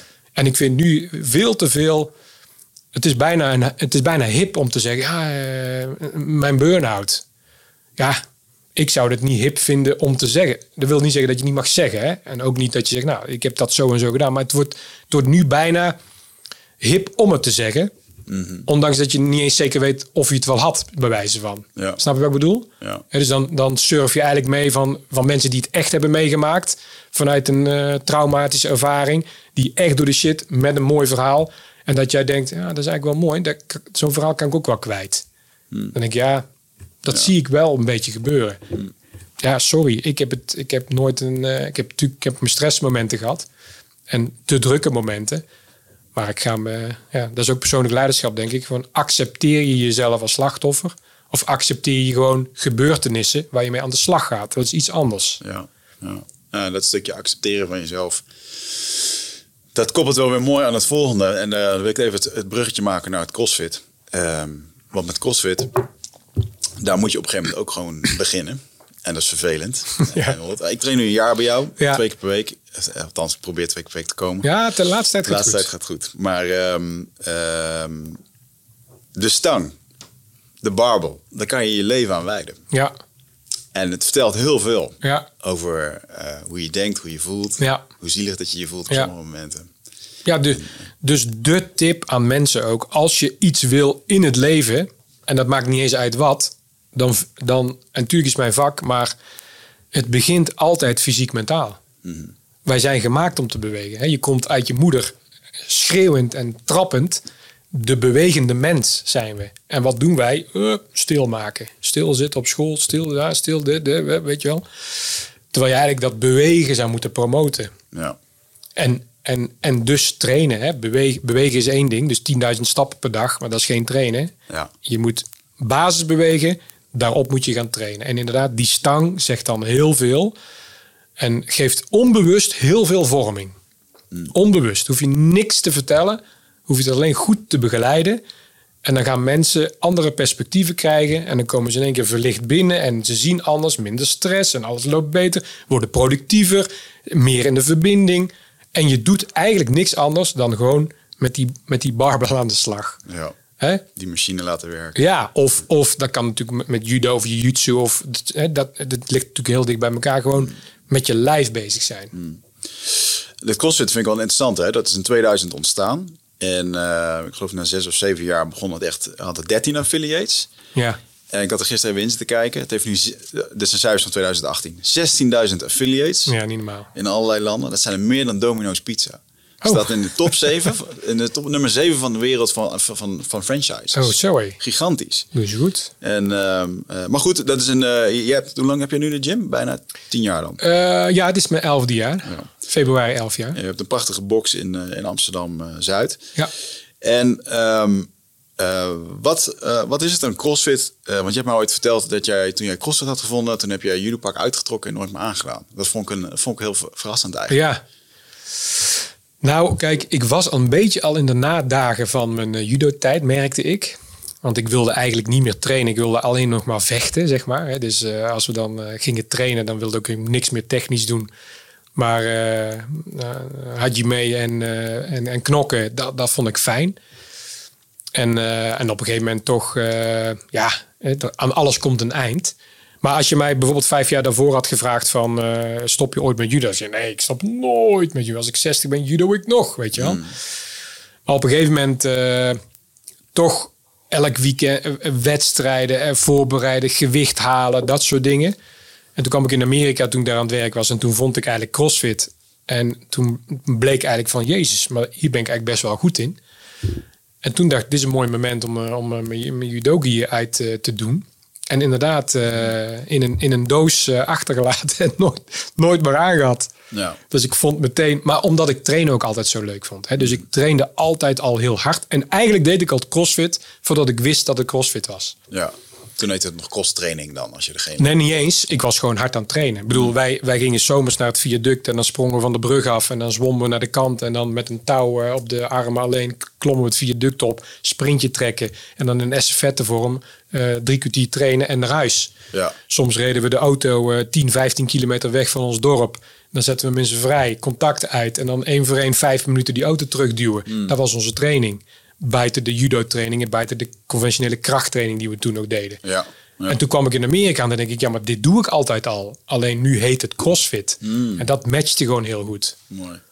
Wat vind je van het... ehm, eh, want CrossFit heeft een gigantische ehm, beweging gemaakt van waar het was, waar het nu is. Ja, Ehm, toen ik nog mijn supplementenbedrijf had, toen, eh, sponsorde nog wel eens wat in de CrossFit. Maar het viel me altijd op dat er zijn niet zoveel Nederlanders, Europeanen eigenlijk in de CrossFit wereldwijd, doen eigenlijk niet heel erg mee. nee, een Goed, ja. paar. Ja, een Vorig jaar was wel een master, hè, uit de categorie boven mij volgens mij, die, die won ook. Dus dat is ook heel knap. Eh, en dat is, dat is ook altijd wel lachen, want toen ik, eh, ik was eerst bij de elite nog getipt als winnaar. Toen scheurde ik mijn Achilles dwars door midden. Daar is eigenlijk fout gegaan, zeg maar. Daarna ging ik dan naar de eh veteranenklasse over. 40 was dat toen. Ik, was, ik ben eigenlijk wel een laadbloeimerking, want ik deed dus nog bij de elite mee. En toen was ik eind 30. Ja, En toen we- weet ik 2011, 2011, ja. Ja, 2011, was ik niet eind 30, was ik eh, 233. Maar dan ben je best wel oud al. Eh 11, ja. Ja. En eh, bij de elite werd ik toen getipt als winnaar van de CrossFit Games. En die cijfers had ik ook. En dat was ook de intentie, totdat ik op een boxjump gewoon eh, keihard mijn Achilles eh, ja. afscheurde. Maar inderdaad, ja. eh, en, en ja, dat wil ik vertellen. Is dat, er kwamen de mensen naar me toe later ook van... ja, wacht maar tot ik master ben. Ik zeg, nou, wacht maar. Ik zeg, word eerst maar eens, word eerst maar eens goed. En hoewel je natuurlijk wat minder mensen hebt... is het niveau relatief binnen die mensen die er zijn heel hoog. ja. Hè, dus CrossFit, als je zeg maar 18 jaar bent, zeg ik, ja, maar ja, er zijn zoveel 18-jarigen. Dus dat is heel moeilijk om daar bovenuit. Dus men denkt dan, als ik dan master ben, zijn er wat minder. En dan is het makkelijker. ja. Dat is een misvatting. Ik, dus, dus ja, want, want veertigers die gewoon echt fit zijn, die zijn wat dunner gespoeld, maar die hebben dan wel meteen ook echt een heel hoog niveau. ja. En zeker toen eh 2013, 14, 15, lagen die cijfers heel dicht bij elkaar nog. Ja, mooi. Dus Ja, mooi. Het is een heel competitief wereldje inderdaad wel. En waarom kan, waarom kan ehm, eh, is het nou zo dat, dat is wat mijn idee geweest, als ik dan een Rich Froning kreeg, wat lang die, die kampioen was. ja, Maar dan kijk ik vooral naar een atleet die wel gewoon aan de middelen zit. En waarbij dat toen ook heel lang volgens mij toegestaan was binnen de CrossFit, toch? Er was een soort van ongeor... Je mocht gewoon Superman worden met alles erop en eraan. ik, ja, ik weet niet. eh, Nu is dat niet meer zo, las ik. maar Nee, kon nou ja, nee, niet meer zo. Kijk, weet je wat het is? En dat is, ik zeg altijd, je MRI bewijst of je wel of geen middelen gebruikt hebt, min of meer. En als je mijn MRI ziet met vier hernia's, artrose, geen kraakbeen in mijn knieën, dan denk ik, nou, dan kun je wel zeggen van nou, ik heb het op een, op een bruine boterham met kaas moeten doen. Want met middelen zou dat niet gebeurd zijn. Zou zou die MRI er anders uitzien? Hoe dan? Anders? Nou, eh, kijk, eh, simpel gezegd, dat is een van mijn angsten ook geweest. Vroeger al, met alcohol al of met, met een pilletje al. Ik heb dat nooit gedaan. Hè, met, met, met, met alcohol was ik eigenlijk al soort van bang van ja, maar als ik te veel drink dan. Hè, dus het is niet goed voor mijn lijf dus. En hoe dat komt, ik weet het niet. Het is me niet echt ook meegegeven. Maar wel eh, gewoon het, het voelen van ja, dit, dit wil ik zo niet. En, en ook eh, zeg maar de prestatievermeerderende middelen gebruiken is eigenlijk nooit in me opgekomen. Nooit. Omdat het in mijn omgeving waar ik trainde ook gewoon niet ter sprake kwam. Maar het gebeurt wel. Maar, dus ik heb zo hard getraind, kan ik wel zeggen. Niet om op de borst te kloppen, maar dat, ik denk dat iedereen die mij kent en eh, om mij heen, denkt ja, dat is niet normaal hoeveel arbeid ik verricht heb om dat niveau maar te kunnen behalen. En ook binnen CrossFit dan nog. Dat dat eigenlijk niet... Barry de Mee, hè, de beroemde bodybuilder, die was, kwam dan ook wel eens bij mij langs en hij zegt, Erwin, hij zegt, maar dit kan niet, hè, op een brood, buiten de boter met kaas. Hè. Hij zegt, want ik zie jou op de games en ik zie, ik zie die mensen achter jou lopen. Ik, zie gewoon wat ze gebruiken. En in de bodybuilding wereld is dat natuurlijk gewoon eh, bekend dat dat Ja. gebeurt. En dat herkent hij ook gewoon. En binnen, binnen andere topsport is dat dus niet. En ik vind gewoon, het gebeurde, het gebeurde, het gebeurt nog steeds. Topsport is per definitie en niet gezond. En er wordt natuurlijk gecheat aan alle kanten. Eh, maar ik durfde het niet. Ja. Lijfelijk niet, maar ook eh, ja, qua, qua mindset niet. Dan denk ik, ja, dat, dat past dan kennelijk niet bij mij. Maar uiteindelijk denk ik wel van, oké, had ik dit met een goede dokter gedaan... In Amerika bijvoorbeeld, want TRT is natuurlijk een heel bekend eh, iets in Amerika. Hè? Ja. Oh, je bent eh 31. Ja, nee, dan gaat je te stonden hup, supplement. Dan denk ik, nou, ik ben ook heilig van overtuigd. Ik ben nu 50, maar ik, ik voel me echt qua, eh, niet altijd qua lijf. Hè, want je, je hebt gewoon je schade. Maar qua mind, body connectie en whatever, denk ik, ja, ik ben eh, gewoon, gewoon in de kracht van mijn leven. Ja. En als je mij, hè, als je het ook ziet, dan denk ik, eh, Joe Rogan erkent ook bijvoorbeeld dat hij TRT doet. Ja, zeker. En het is daar zo ingeburgerd dat dat dan maar zo is. Maar je kan ook anders doen. Dus als je dus de window of opportunity is je puberteit hè, voor jongens. Als je daar begint met trainen en die testosteronfabriek aanzet. Nou, mijn vrouw wordt helemaal gek van mij. Ze zegt, ja, je lijkt wel 16, weet je wel. Ik dan ben me blij. Want dat is longevity voor mannen, testosteron. Dat is allemaal vies. Maar ik weet 100% zeker, je kan dat gewoon zonder... En dan heb ik het niet over topsport. Want dan, is het, dan, dan, ja, dan heb je gewoon een stap voor als je dus onder begeleiding wel eh, gebruikt.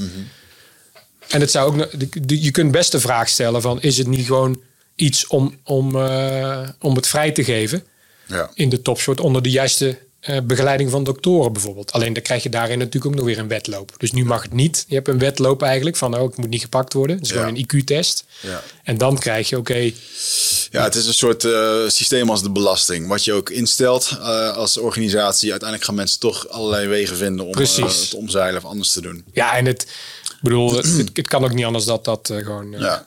Al vraag ik me ook wel af hè, dat als je kijkt naar die professionele crossfitters. Die drie keer per dag trainen. Dan denk ik ja.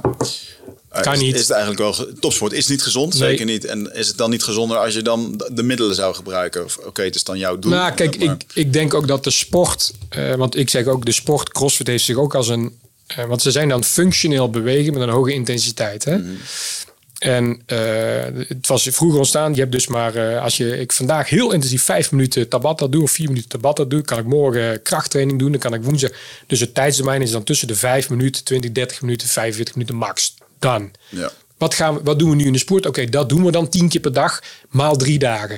Ik zeg, ja, dan is het gewoon weer een marathon. Ja. Dus het feit dat je zo die sport inricht, betekent dus ook weer meteen van, dus eh, ligt dat gevaar ook gelijk weer op de loer. Dat mensen dus om, op- om overeind te blijven, eh, die middelen gaan, eh, gaan zoeken. Ja, ja, zeker. Ik had de vraag hier wel staan. Eh, TRT, eh, Replacement Therapy, in je late 40 jaren. Ja. Omdat ik toevallig gisteren Joe Rogan daarover hoorde. Ja, En dat hij het daarover had met een dokter. Dat het ook daadwerkelijk, het houdt ziektes weg. Ja. Het houdt je jong, het houdt je energiek. Ehm, ja, weet je. En het is natuurlijk in Nederland zijn dat soort dingen heel erg van eh, niet doen. Ja, In Amerika, eh, als ik zie wat testosteron met eh, PTSD doet. Hè, met mensen die vaak hersenbeschadiging hebben door Ja. iedere keer uit een helikopter springen of een kogel afvuren. Ja. Geeft iedere keer een dreun op je hoofd. Ja. Dat, hè. ja. Ehm, denk ik nog wel eens van wauw, daar zit nog best wel wat in man. Testosteron is echt een bijzonder Ja. supplement. Klopt. En ik ben er, ik ben er ook eh, voor. Alleen, ik kijk wel van eh, wanneer heb je het nodig dan? En gaan we dit doen als pil ook weer? Weet je wel? Van de, de escape van, ah ja, ik hoef geen zak te doen aan mijn lijf. Ik ga gewoon naar de dokter en ik krijg eh, testosteron replacement therapy. Of gaan we zeggen van, hey, het feit dat dit nodig is, net als insuline toch? Ja. Vroeger was het een ouderdomsziekte, diabetes type 2. Nu zie je het al bij jeugd. En dan zeggen we, hier is de insulinespuit. Eigenlijk doen we nu hetzelfde met testosteron dus. Maar het feit dat in, in 40, 50 jaar tijd dat testosteron zo drastisch gedaald is bij mannen, dat is natuurlijk een mooie vraagstuk. Hoe komt dat nou? Ja, gewoon niet trainen. Dus de window of opportunity in de puberteit, prepuberteit, puberteit bij jongens, maar ook bij dames, hè, oestrogeen, ook een beetje testosteron, is gewoon super gezond. Dus als je daar hard traint, dan neem je dat dus heel je leven mee. En ik kan het weten, want ik heb nog nooit één slecht tabletje op. En eh, magnesium en vitamine D en gewoon goed eten. En en that's it, weet je wel. En als ik zie dan eh, wat mijn lijf eh, nog kan op mijn 15, denk ik, nou, ik heb dat niet nodig. Ja, mooi. Ehm, dan maak ik even een sp- sprongetje naar een vraag van de, een van de die ik gisteren willen kreeg.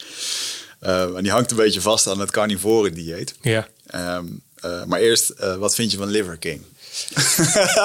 Ik zat toevallig gisteren nog te kijken. Ja, kijk, ik vind het een scam. Ik vind het een scam.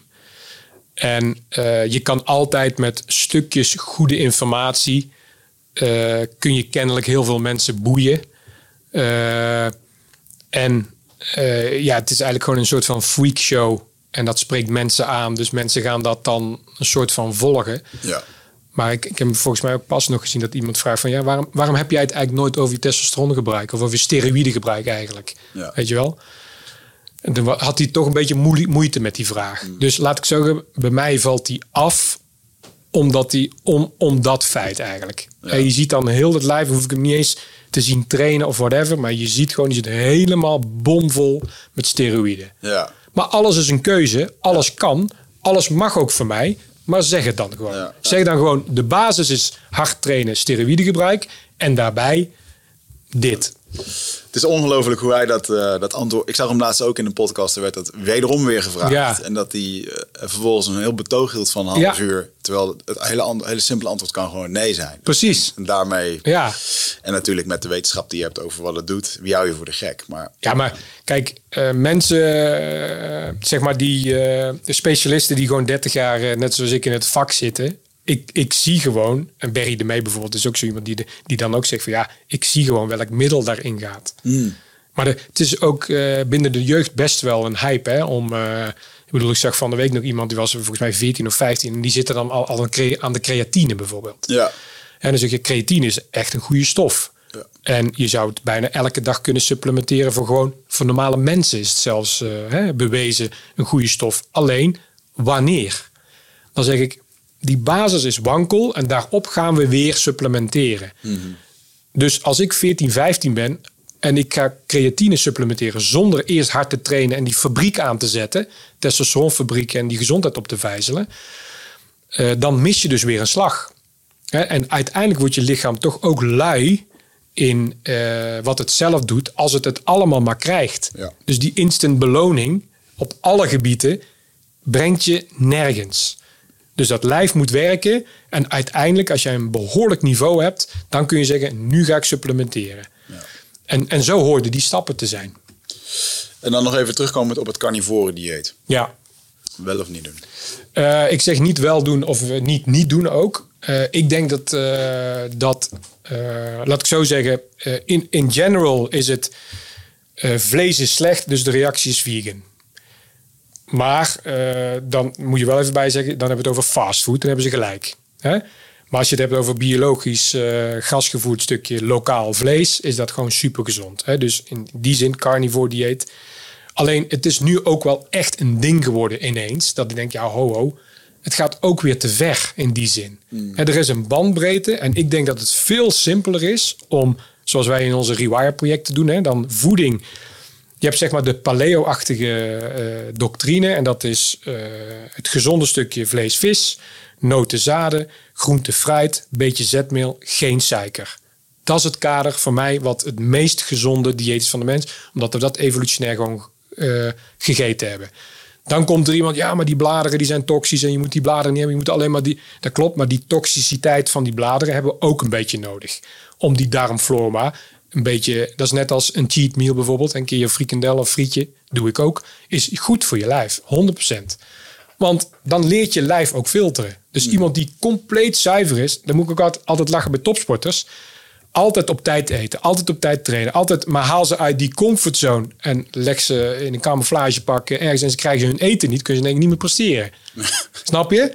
Dus dat lijf moet toxisch, toxiciteit krijgen met alles, met media, met eten, met de, om juist weerbaar te kunnen worden. Dus, eh, en dan eh, vind ik dat voeding is veel meer individueel. Dus als het paleo-dieet naar mijn idee de basis is, dan kan ik een beetje uitstappen naar carnivore. Dan kan ik een beetje uitstappen naar zoon.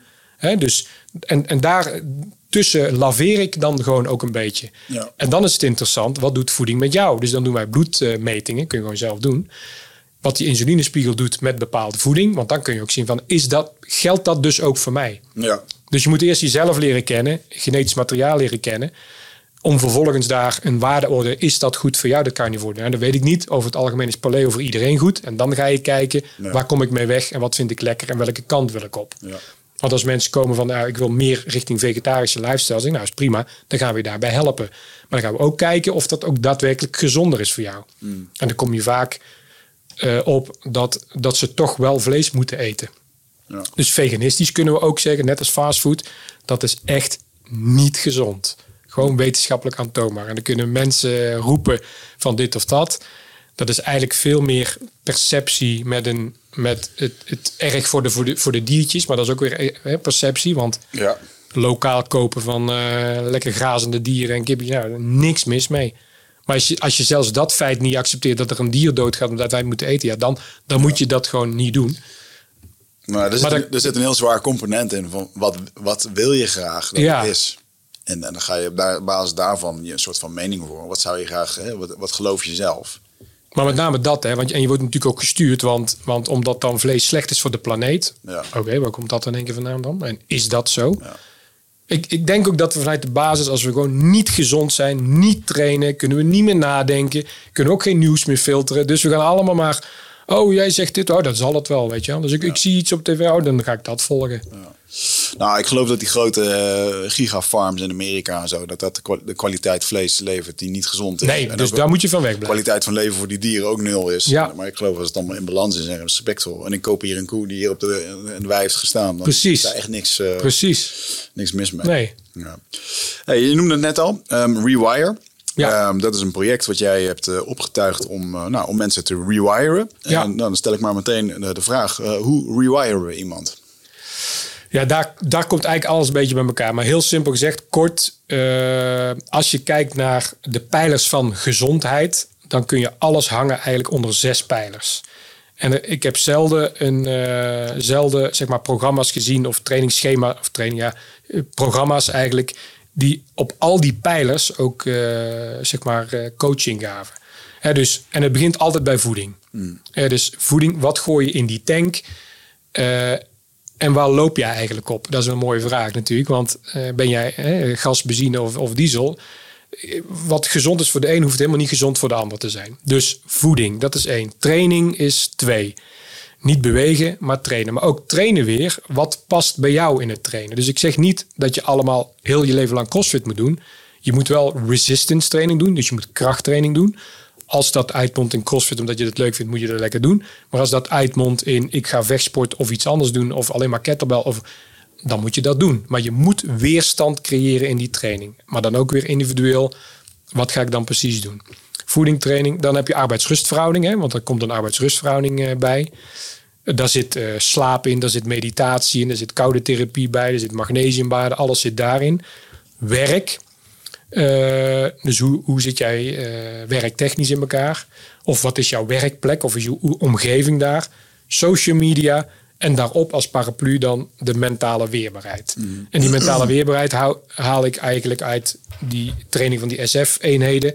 En ik merk gewoon, hey, dat zijn eigenlijk blueprints die ik kan gebruiken voor mensen die een doel willen bereiken. En het idee is, de rewire is van oké, heel veel mensen met, uh, met burn-out klachten hebben die werk. Hè, ik zeg, je bent een DJ van zes schijven, maar die mix moet goed zijn.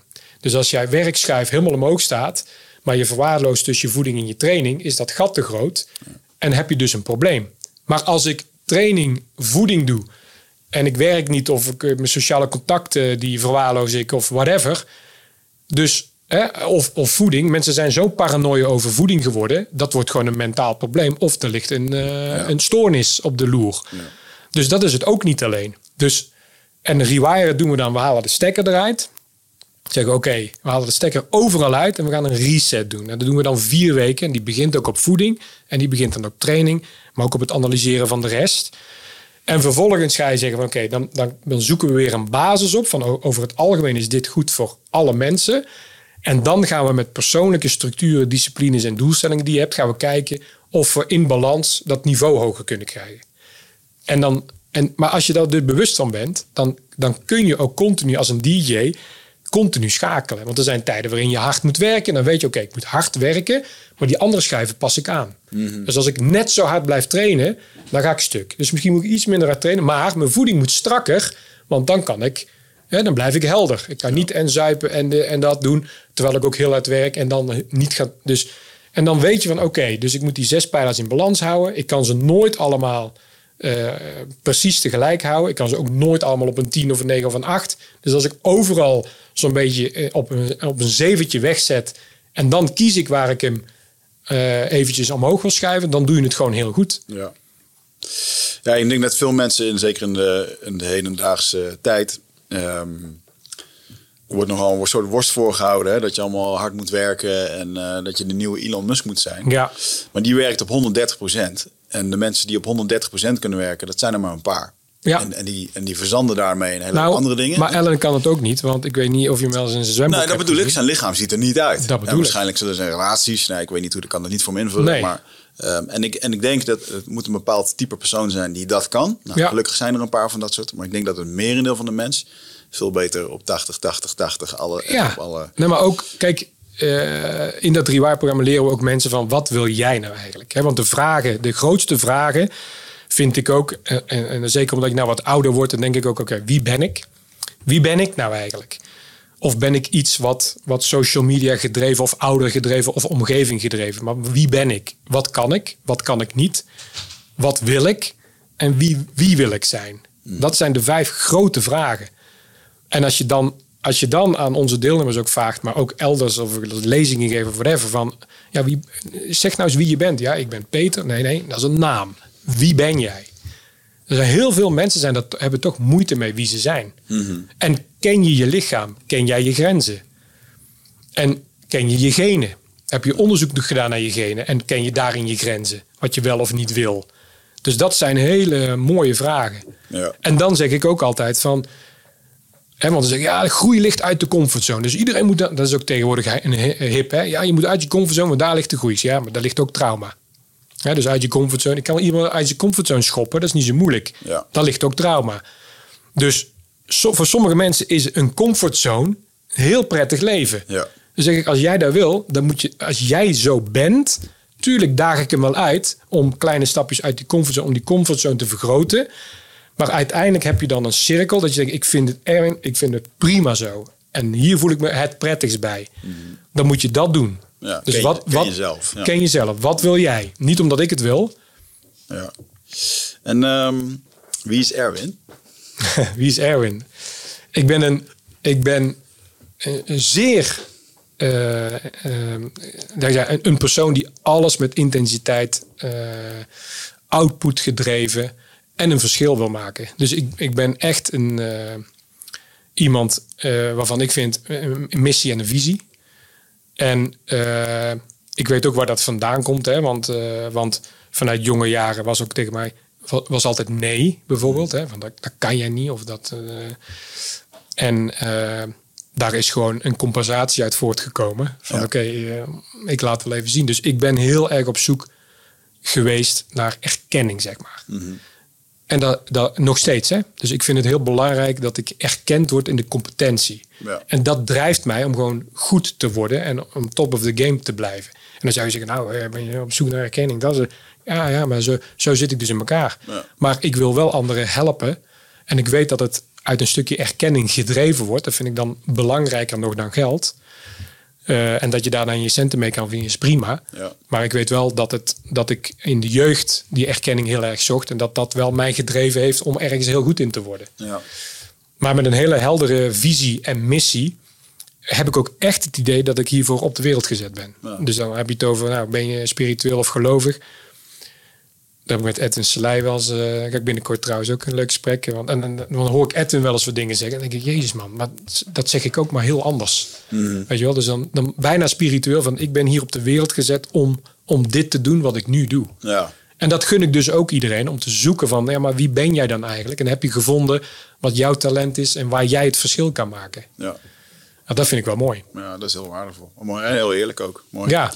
ja. Even een uh, vraag over het uh, Rewire traject in de zin van kan je kan je, je zenuwstelsel uh, herstellen?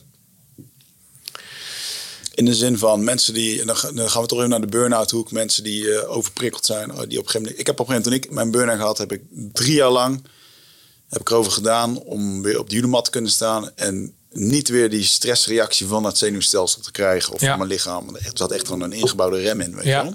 ja. Nou, het kan dus. Je, ja, hebt, het, je hebt het bewezen. Ja, het kan. Maar is er een. Um, um, ik was er toen nog niet zo serieus mee bezig. En ik kom eigenlijk op deze vraag omdat een vriendin van mij heeft een auto-ongeluk gehad. Andere factor. Mm Burn-out en dingen. En die, uh, die echt bij het minste geringste eigenlijk alweer in diggelen ligt. Ja. Um, ja, benieuwd wat je visie daarover is. Ja. Ja, ik, ik, ik zeg dat het te herstellen is natuurlijk afhankelijk van het dossier natuurlijk, hoe lang iets duurt en of het überhaupt uiteindelijk te herstellen is als het trauma te groot is. Dus ik ben, mhm. ik ben daarin geen medicus. Maar het enige wat ik uit onze ervaring met het Rewire-programma en met anderen om mij heen, uh, ook een huisarts die ik om advies vraag, ook uh, anderen die ik om adviezen vraag. En dan zeg maar wat mijn ervaring daarin is, is dat je, dat je dat wel kan herstellen, ja. Maar dan, maar dan wederom, en dat zou ook een dokter moeten vragen: van ja, ik kom met stress of burn-out of hmm. depressieklachten. De vraag één is: wat eet je eigenlijk? Want het is natuurlijk gewoon wetenschappelijk aangetoond dat de verkeerde voeding uh, ook richting uh, stress en burn-out en, en anxiety stuurt. Dus als je die factor nou eens weghaalt, dan heb je de minste beïnvloeding van die stress. En vervolgens ga je terug naar het trauma. Hè. Waar komt dat trauma vandaan? En uh, vaak beginnen wij in ons Rewire-project met het analyseren van het trauma. Hè. Dus uh, oké, wat, wat is er nou echt gebeurd? Of waar ligt het trauma? En, want heel veel mensen weten niet precies waar dat dan vandaan komt. Of ze hebben een heftige gebeurtenis gehad. Mm. Dan gaan we die heftige gebeurtenis gaan we gewoon helemaal analyseren. Tot in de detail uh, kapot analyseren. Daar, daaraan vast koppel je dan eigenlijk uh, natuurlijk uh, stressgedrag van mensen. Hè. Hoe, hoe, reageren mensen überhaupt op stress? Mhm. En hoe kunnen we dat dan sturen om daar anders mee om te gaan? Dus die lijnen zetten wij in. En ik vind het heel prettig, want ik, ik doe best wel veel één op één burn-out trajecten.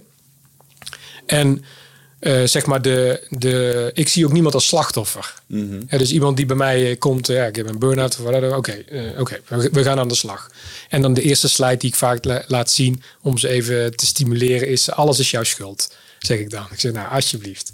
En er heeft ook wel eens iemand tegenover mij gezeten die begon, uh, die was mishandeld in de vorige relatie en die begon te huilen. Ik zeg, oh, dat is niet mijn schuld. Oh, maar nou weet ik precies waar ik moet beginnen. Ik zeg, maar als je er vijf jaar na dato nog steeds zoveel last van hebt. Mhm hoe dan? Ik zeg, als jij beseft dat het, dat het in jou zit, dat je daar nu zo nog last van hebt, ik zeg, dan kunnen we er iets aan doen.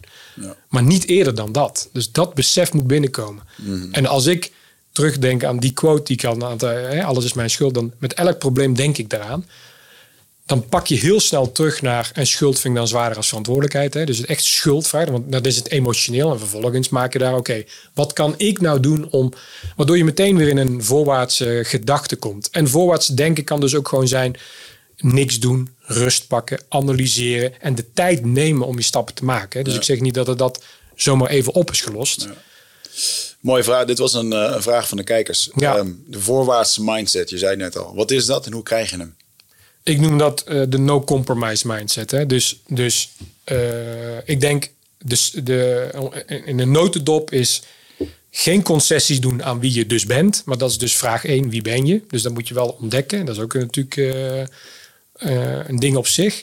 En vervolgens op jezelf geen compromissen doen. En op de doelstellingen die je hebt. Hè, dus kijk, ik, ik verlogen mijn karakter niet. Ik ga niet iets voor een ander doen op het moment dat het niet in mij zit. Tuurlijk doe ik dingen voor een ander die ik niet wil doen. Hè? Dus, maar dat is, je snapt wat ik bedoel. Hè? Dus, dus de echte concessie aan waar wil ik naartoe, wie wil ik zijn. Bijvoorbeeld, eh, om het heel eerlijk te zeggen, die vaccinatie. Zo ben ik niet. Dus ik heb dat ding niet genomen. En ik heb daar de no compromise, de mindset. Oké, ik ga dat ding niet nemen. Nooit. Ja, maar dit, ja, maar nee, nee. Want dan doe ik te veel compromissen aan wie ik ben. En dat voor een ander verhaal trapte ik al helemaal niet in. Het blijkt nu ook wel een beetje te kloppen. Maar, eh, en toen heb, ik, toen heb ik ook gevisualiseerd, oké, totdat ze aan mijn deur staan. Weet je wel. En dan, ja, dan mogen ze het proberen. Maar eh, ja, als ze Ja. met z'n achter komen en die zit erin uiteindelijk in, dan, dan is dat de manier waarop ik er eentje krijg, maar anders niet. Ja. Ja, dus dat bedoel ik dan met, met die voorwaartse mindset. En dat kan dus op elk gebied zijn. Als jij zegt, ik wil, ik wil topsport bedrijven, ja, dan zul je heel veel andere dingen eraf moeten knippen. Ja. Maar nooit ten koste van een ander. Dat is wel de rem, zeg maar, die, oké, ja, zo ben ik. Ja, zo ben ik. Maar dat gaat wel ten koste van iemand anders. Ja. Dat moet je niet hebben. Ja, dat is een interessante, hè? want we hebben het vaak over. Dit gaat ook heel erg over kernwaarden. Ja, En ehm, ik weet dat jij veel mensen in jouw omgeving hebt die eh, eh, vaak uit militaire achtergrond, die zo knoesthard aan kernwaarden kunnen vasthouden, dat het ook echt een, een, een soort blokkade kan worden voor eh, je acceptatie in de maatschappij, Ja. hoe je over dingen denkt. Of, Ja. of, hoe, hoe flexibel mogen we zijn met kernwaarden? ik denk dat dat echt situatieafhankelijk is. Want ik zeg ook altijd no compromise op je doelstelling. Hè, vanuit, je, vanuit jouw discipline en structuur en doelstellingen, wie je bent, geen compromissen. Maar dagelijks maak ik duizend compromissen bij wijze van. Dus ik denk dat je daar geen antwoord op kan geven. Maar op het moment dat dat scenario bij jou valt.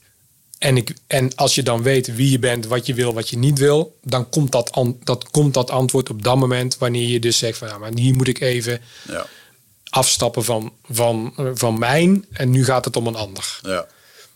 ja het vergt mentale lenigheid. Dat, Ja, ehm, maar mentale lenigheid ook weer. Hè? Mentale, ik bedoel, gezond. We, we, zijn, we zo lopen zo ver. eh, We denken allemaal dat we cognitief zijn, maar we kunnen helemaal niet denken als we eigenlijk in een, eh, zoals Edwin zou zeggen, in een hypnose zitten. ja. Van slechte voeding alleen al. Eh, dus die invloed van suiker op onze, on, op ons brein is zo giga- geprocessed, zo gigantisch alleen al, dat je eigenlijk al niet meer helder kan denken. Als je dat, als je dat denkt, dus als ik te veel suiker heb, kan ik niet meer helder nadenken, word ik eerder gestrest, word ik eerder. Dus dan kun je helemaal geen waardeoordeel meer geven aan, aan kernwaarden wel of niet, of iets wel of niet doen. ja, want het is niet je echte gevoel. Het is niet je echte gevoel. Ja, interessant. Maar de, de, bijna, eh, ik heb daar bijna een filantropische instelling, eh, of een utopische moet ik beter zeggen, een, een utopische wereld. Weet je wel, dan zie ik dat allemaal voor me. Van, ja, maar dit is toch simpel? Het is gezond eten, het is trainen. Dan je passie zoeken, daar heel goed in worden. En dan zin geven in een community en bijdragen tot het geheel. Hoe moeilijk is het? Ja, Maar ja, dat is, de, dat is het pad van het leven. Ja. Dat is het enige wat je hoeft te doen in het leven. Ja. Dat, dat zijn de voorwaarden. ja. En, dan, en dan genieten van het proces. Ja. Met alle weerstand die erbij komt. Mm, mooi. Hey, ehm, eh, nou, Rewire, daar kunnen mensen zich voor aanmelden als denken. Dat is voor iedereen toegankelijk. Rewire.nl. We gaan het overigens ook voor de zorg doen. Hmm. Dus in januari gaat waarschijnlijk het eerste jeugdzorgprogramma Rewire eh, draaien. Ja. En we hebben er nu 23 of 24 gedraaid al. Ja. Dus in januari starten we weer. Ja, Dat vind ik ook nog even een koppeltje te maken naar jouw ehm, eh, de reality-based training. Ik zag jij ook laatst een keertje ambulancepersoneel uh, Ja, training geven. Ja. Want die krijgen ook te maken met mensen die Ja. zijn of niet willen meewerken. Of, eh, ja, of die een spuitje willen. Ja. Die, die spuitje moeten krijgen, maar die niet willen. Nee, precies. Nee, hè, maar dat hebben we allemaal getraind. Ja. Hè, op die brancard in één keer agressief worden en die ambulance uit willen. Ja. Ja, hoe, doen, hoe, doen, hoe gaan we daarmee om? Ja. En vaak zijn zij dus eerder ter plekke dan de politie. Ja. Dus als er iemand een psychose krijgt of wat dan ook, eh, die zit in zijn ja, die, die, en die komen dan binnen en die hebben een, een koffer wat die willen hulp gaan verlenen. Ja. En dan staan ze in één keer midden in een gewelddadige, bedreigende situatie voordat de politie er is. Ja. En, en die, die gasten, die, eh, ja, die, die krijgen echt wat voor de kiezen ook hoor. Die Ja. krijgen echt net als brandweerdijkers of. Ze zijn echt, eh, denk ik, nou, eh, petje af. En die kwamen met de vraag van, kunnen we niet wat op geweldsbeheersingsgebied op, op dat doen? En dan heb je het heel simpel over, waar ga je zitten in, in die ambulanceauto, weet je wel? Hoe ga je zitten? Wat ga je dan doen? Als je binnenkomt met die koffer, wat doe ik met mijn koffer? Want ja, je hebt hem toch langs je lijf. Ja. Of heb je hem zo, of draag je hem even voor de borst, weet je wel, voor de bescherming. Dus het zit hem in hele simpele dingen. Ja, mooi. En uiteindelijk eh, hebben we gewoon in scenario's gewoon echt eh, een soort van eh, met beschermende middelen aan, gewoon force on force. Ja. Zeggen, nou oké, nou gaan we dat eens even doen. Interessant man. Ja, Ja, mooi om te weten. Dat sowieso voor iedereen die dit luistert, die met dat soort beroepen heeft. Maar zelfs al, al ben je een leraar op een school, en je, die moet je eigenlijk heb ook, ik ook je gedaan. Dit ook gewoon Amsterdam, doen, ja, met, met agressieve leerlingen. Ja. In een klas, hoe ga ik daarmee om? je. Ja. En bij begeleidend wonen ook. Begeleidend wonen. eh, en dat was mooi, want er zaten volgens mij 50 of 60 docenten, of begeleiders moet ik het zeggen, in de zaal. En ik ging dan een lezing doen over geweldsbeheersing met patiënten. Maar wat ik niet wist, is dat er ook een patiënt in de zaal zat. Ah, nou. En ik stond het verhaal te doen, anderhalf, twee uur lezing of zo. Ik zei, nou, vragen. En dan stak hij zijn hand op. Hij zegt, ja, hij zegt, ja eh, je hebt het altijd over patiënten en eh, betrokken. Hij zegt, ja, ik ben zo'n patiënt. Hij zegt, eh, maar dat best wel confronteerd. Hij zegt, eh, ik heb nu al meer vertrouwen in jou dan in al deze mensen in de zaal, zegt hij. Ja. Maar, Ja, en niet om mezelf op de borst te slaan, maar dat gaf ik ook terug aan hem en de mensen. Want die mensen, die mensen, de hulpverleners doen vaak uit een hulpverlenende rol, willen zij mensen helpen. Maar de vraag is, helpen je ze ook echt vanuit een, vanuit, bij, snap je wat ik bedoel? Ja, En hij zegt, ja, maar jij begrijpt hoe mijn agressie in elkaar zit. Jij weet hoe dat, hij zegt, en dat spreekt mij aan in hoe, hoe er dan mee om te gaan. ja, Maar met name ook omdat ik hem niet als slachtoffer zag. ja. Dus in de basis, ook met kinderen, hè, in opvoeding zeg ik ook altijd, zo- zodra je mensen in een slachtofferrol plaatst, worden ze zwak. En dat wil niet zeggen, ik ben Spartaans opgevoed, maar dat wil niet zeggen harde hand en altijd maar dit en altijd maar dat. Nee, er moet balans zijn tussen het mannelijke, het masculine en dat vrouwelijke, weet je wel, dat beschermende. En mijn vrouw is ook veel toegefelijker dan ik ben. Ze weet als ze bij mij komen, ik een snoepje? Nee. Ze hebben de zin nog niet afgemaakt, bewijzen van. Ja. En mijn moeder zegt dan, of eh, de moeder zegt van, ja. dat moet je ook niet vragen, zegt ze dan. Dat moet je gewoon pakken, weet je wel zo. Maar als daar dus balans in is, dan, heb, dan, heb, dan creëer je dus iets. Ja, En daar geloof ik dus in. ja, zeker. En ik ben ervoor om dat wat strakker weg te zetten. En mijn vrouw is ervoor om dat gewoon wat luchtiger weg te zetten. En mij een spiegel voor te houden. En dan hou ik haar weer een spiegel vast. Zo sparren wij. En dan kom je eruit. Nou, mooi. En krijg je gezonde kinderen. En krijg je gezonde kinderen. Ja, Ja, om dan over eh, kinderen te hebben. Ehm, de Nieuwe Lichting. Een project van jou, en, eh, of waar jij aan bijdraagt. Een project Ja. van Tibor en ja, Goran. ja, Ehm, jongeren van 18 tot 23, Ja. volgens mij. Om, eh, om ze te leren. ja wat je- 15, 16 tot 2, 23, ja, zoiets. om ze te leren wat ze op school niet, Ja, niet kort leren. samengevat. En wat is jouw aandeel bij de Nieuwe Lichting? eigenlijk gewoon de fysiek-mentale vorming. En als een soort vaderfiguur erop eh, ook nog eh, wat eh, coaching te doen, zeg maar. Ja, Hè, dus, maar met name kom ik dat terug. hè, we, we, we doen de intesten met die jongens. Dus wat kan je fysiek en waar ben je toe in staat? Dus daar sta ik dan voor. Dan hebben ze een aantal masterclasses op het gebied van trainen. Waarin ik ze informatie geef van oké, als je dit dus gedaan hebt, dan ga je dus zo op je eigen plek trainen. Als je in de buurt van Amsterdam woont, kom je dus gewoon naar mij toe, weet je wel.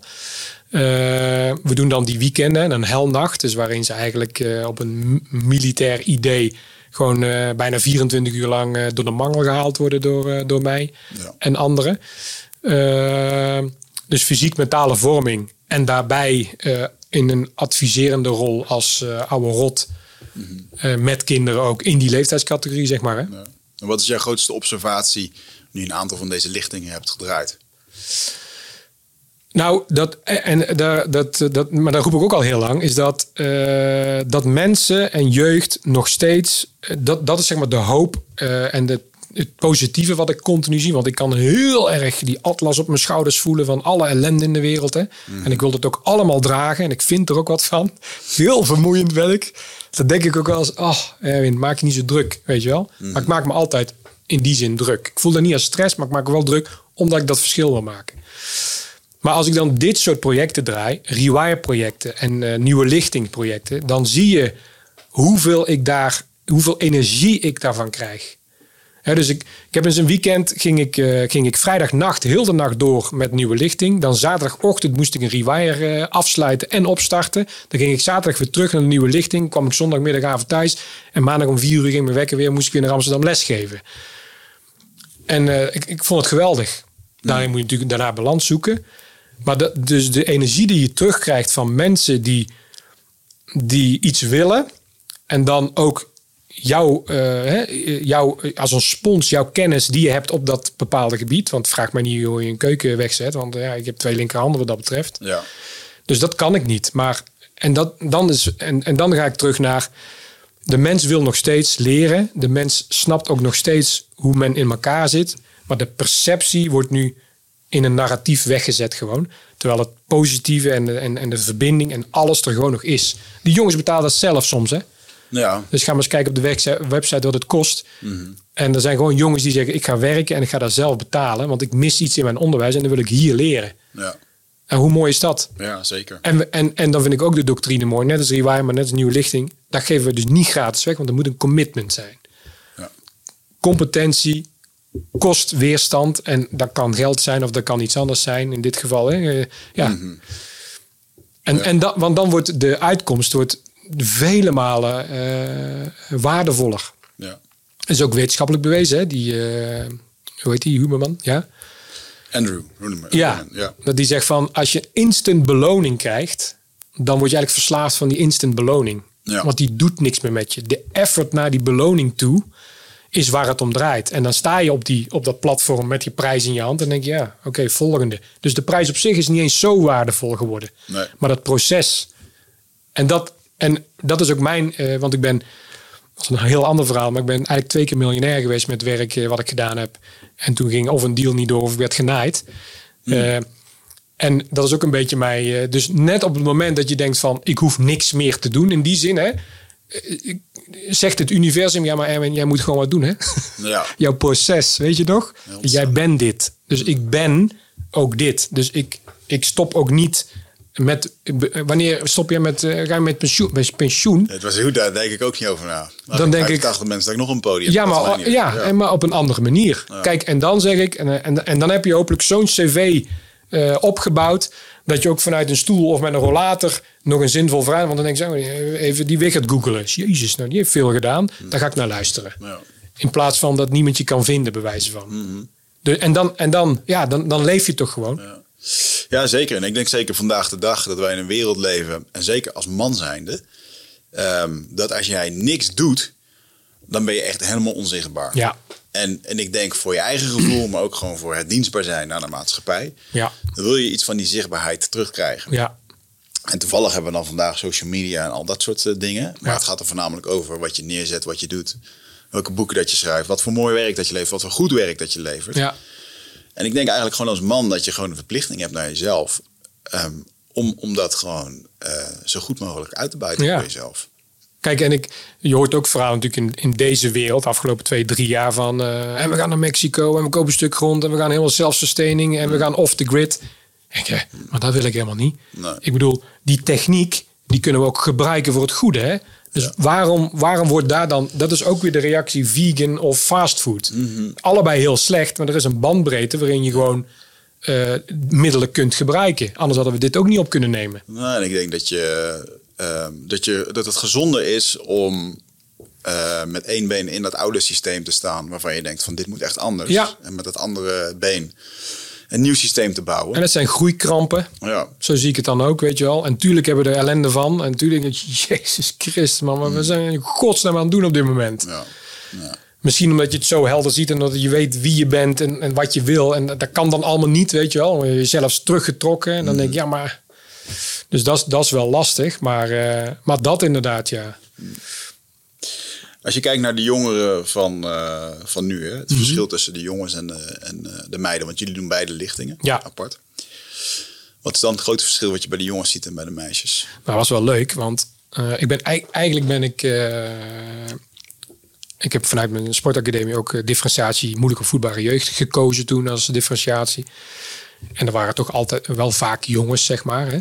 Eh, daarna diensttijd, daarna politietijd. Dus wel mannenwereld gedreven. AT, en dat was, hè, er was is ooit één vrouw binnen het AT, eh tragisch vrouw overigens, eh, geweest. Maar verder allemaal mannenwereld. Nou, Amerika, Midden-Oosten, allemaal mannenwerelden.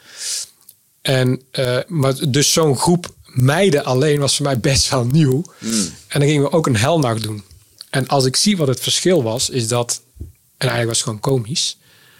Dat ik denk van, oké, dus er staat er een, een soort van alpha gorilla silverback man... staat daar te brullen voor de groep, weet je wel. En die mannen, de jongens, nemen dat allemaal meteen serieus. Dus goh, nou, nou, nou moet ik mijn best doen. En, nou gaat, en dan, krijg je een dynamiek.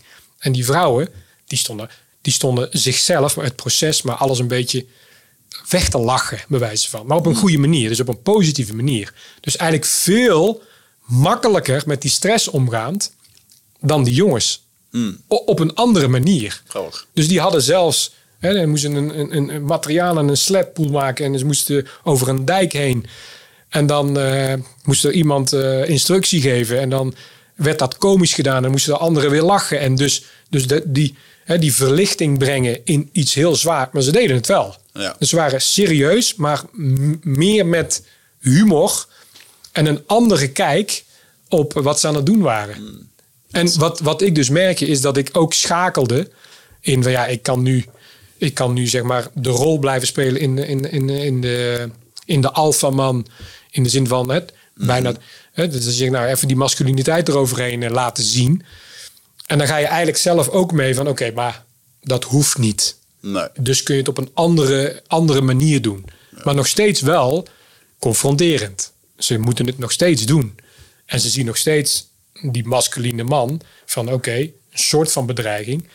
Maar het mooie is dat, eh, en dat zei Thibaut ook, dat ze terugkregen van dat ze zich bij mij zeg maar heel veilig voelden. Snap je? En dat is wat je wil creëren. Ja. Dat je gewoon de veiligheid wil creëren.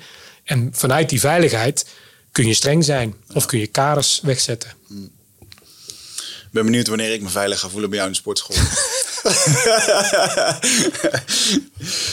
maar goed, daar hebben we nog een paar jaar voor om dat, uit, om dat eh, te creëren. Maar eh, ik kreeg nog een hele mooie, ik wil met je gaan afsluiten. Ja. Ik denk dat de, de nieuwe lichting is ook al duidelijk. Eh, mooi project, ik denk dat het hard nodig is. En ehm, ik denk dat we een hoop hebben besproken. Ehm, eindigen we met een mooie laatste vraag. Jouw mooiste moment uit het leven? Oei.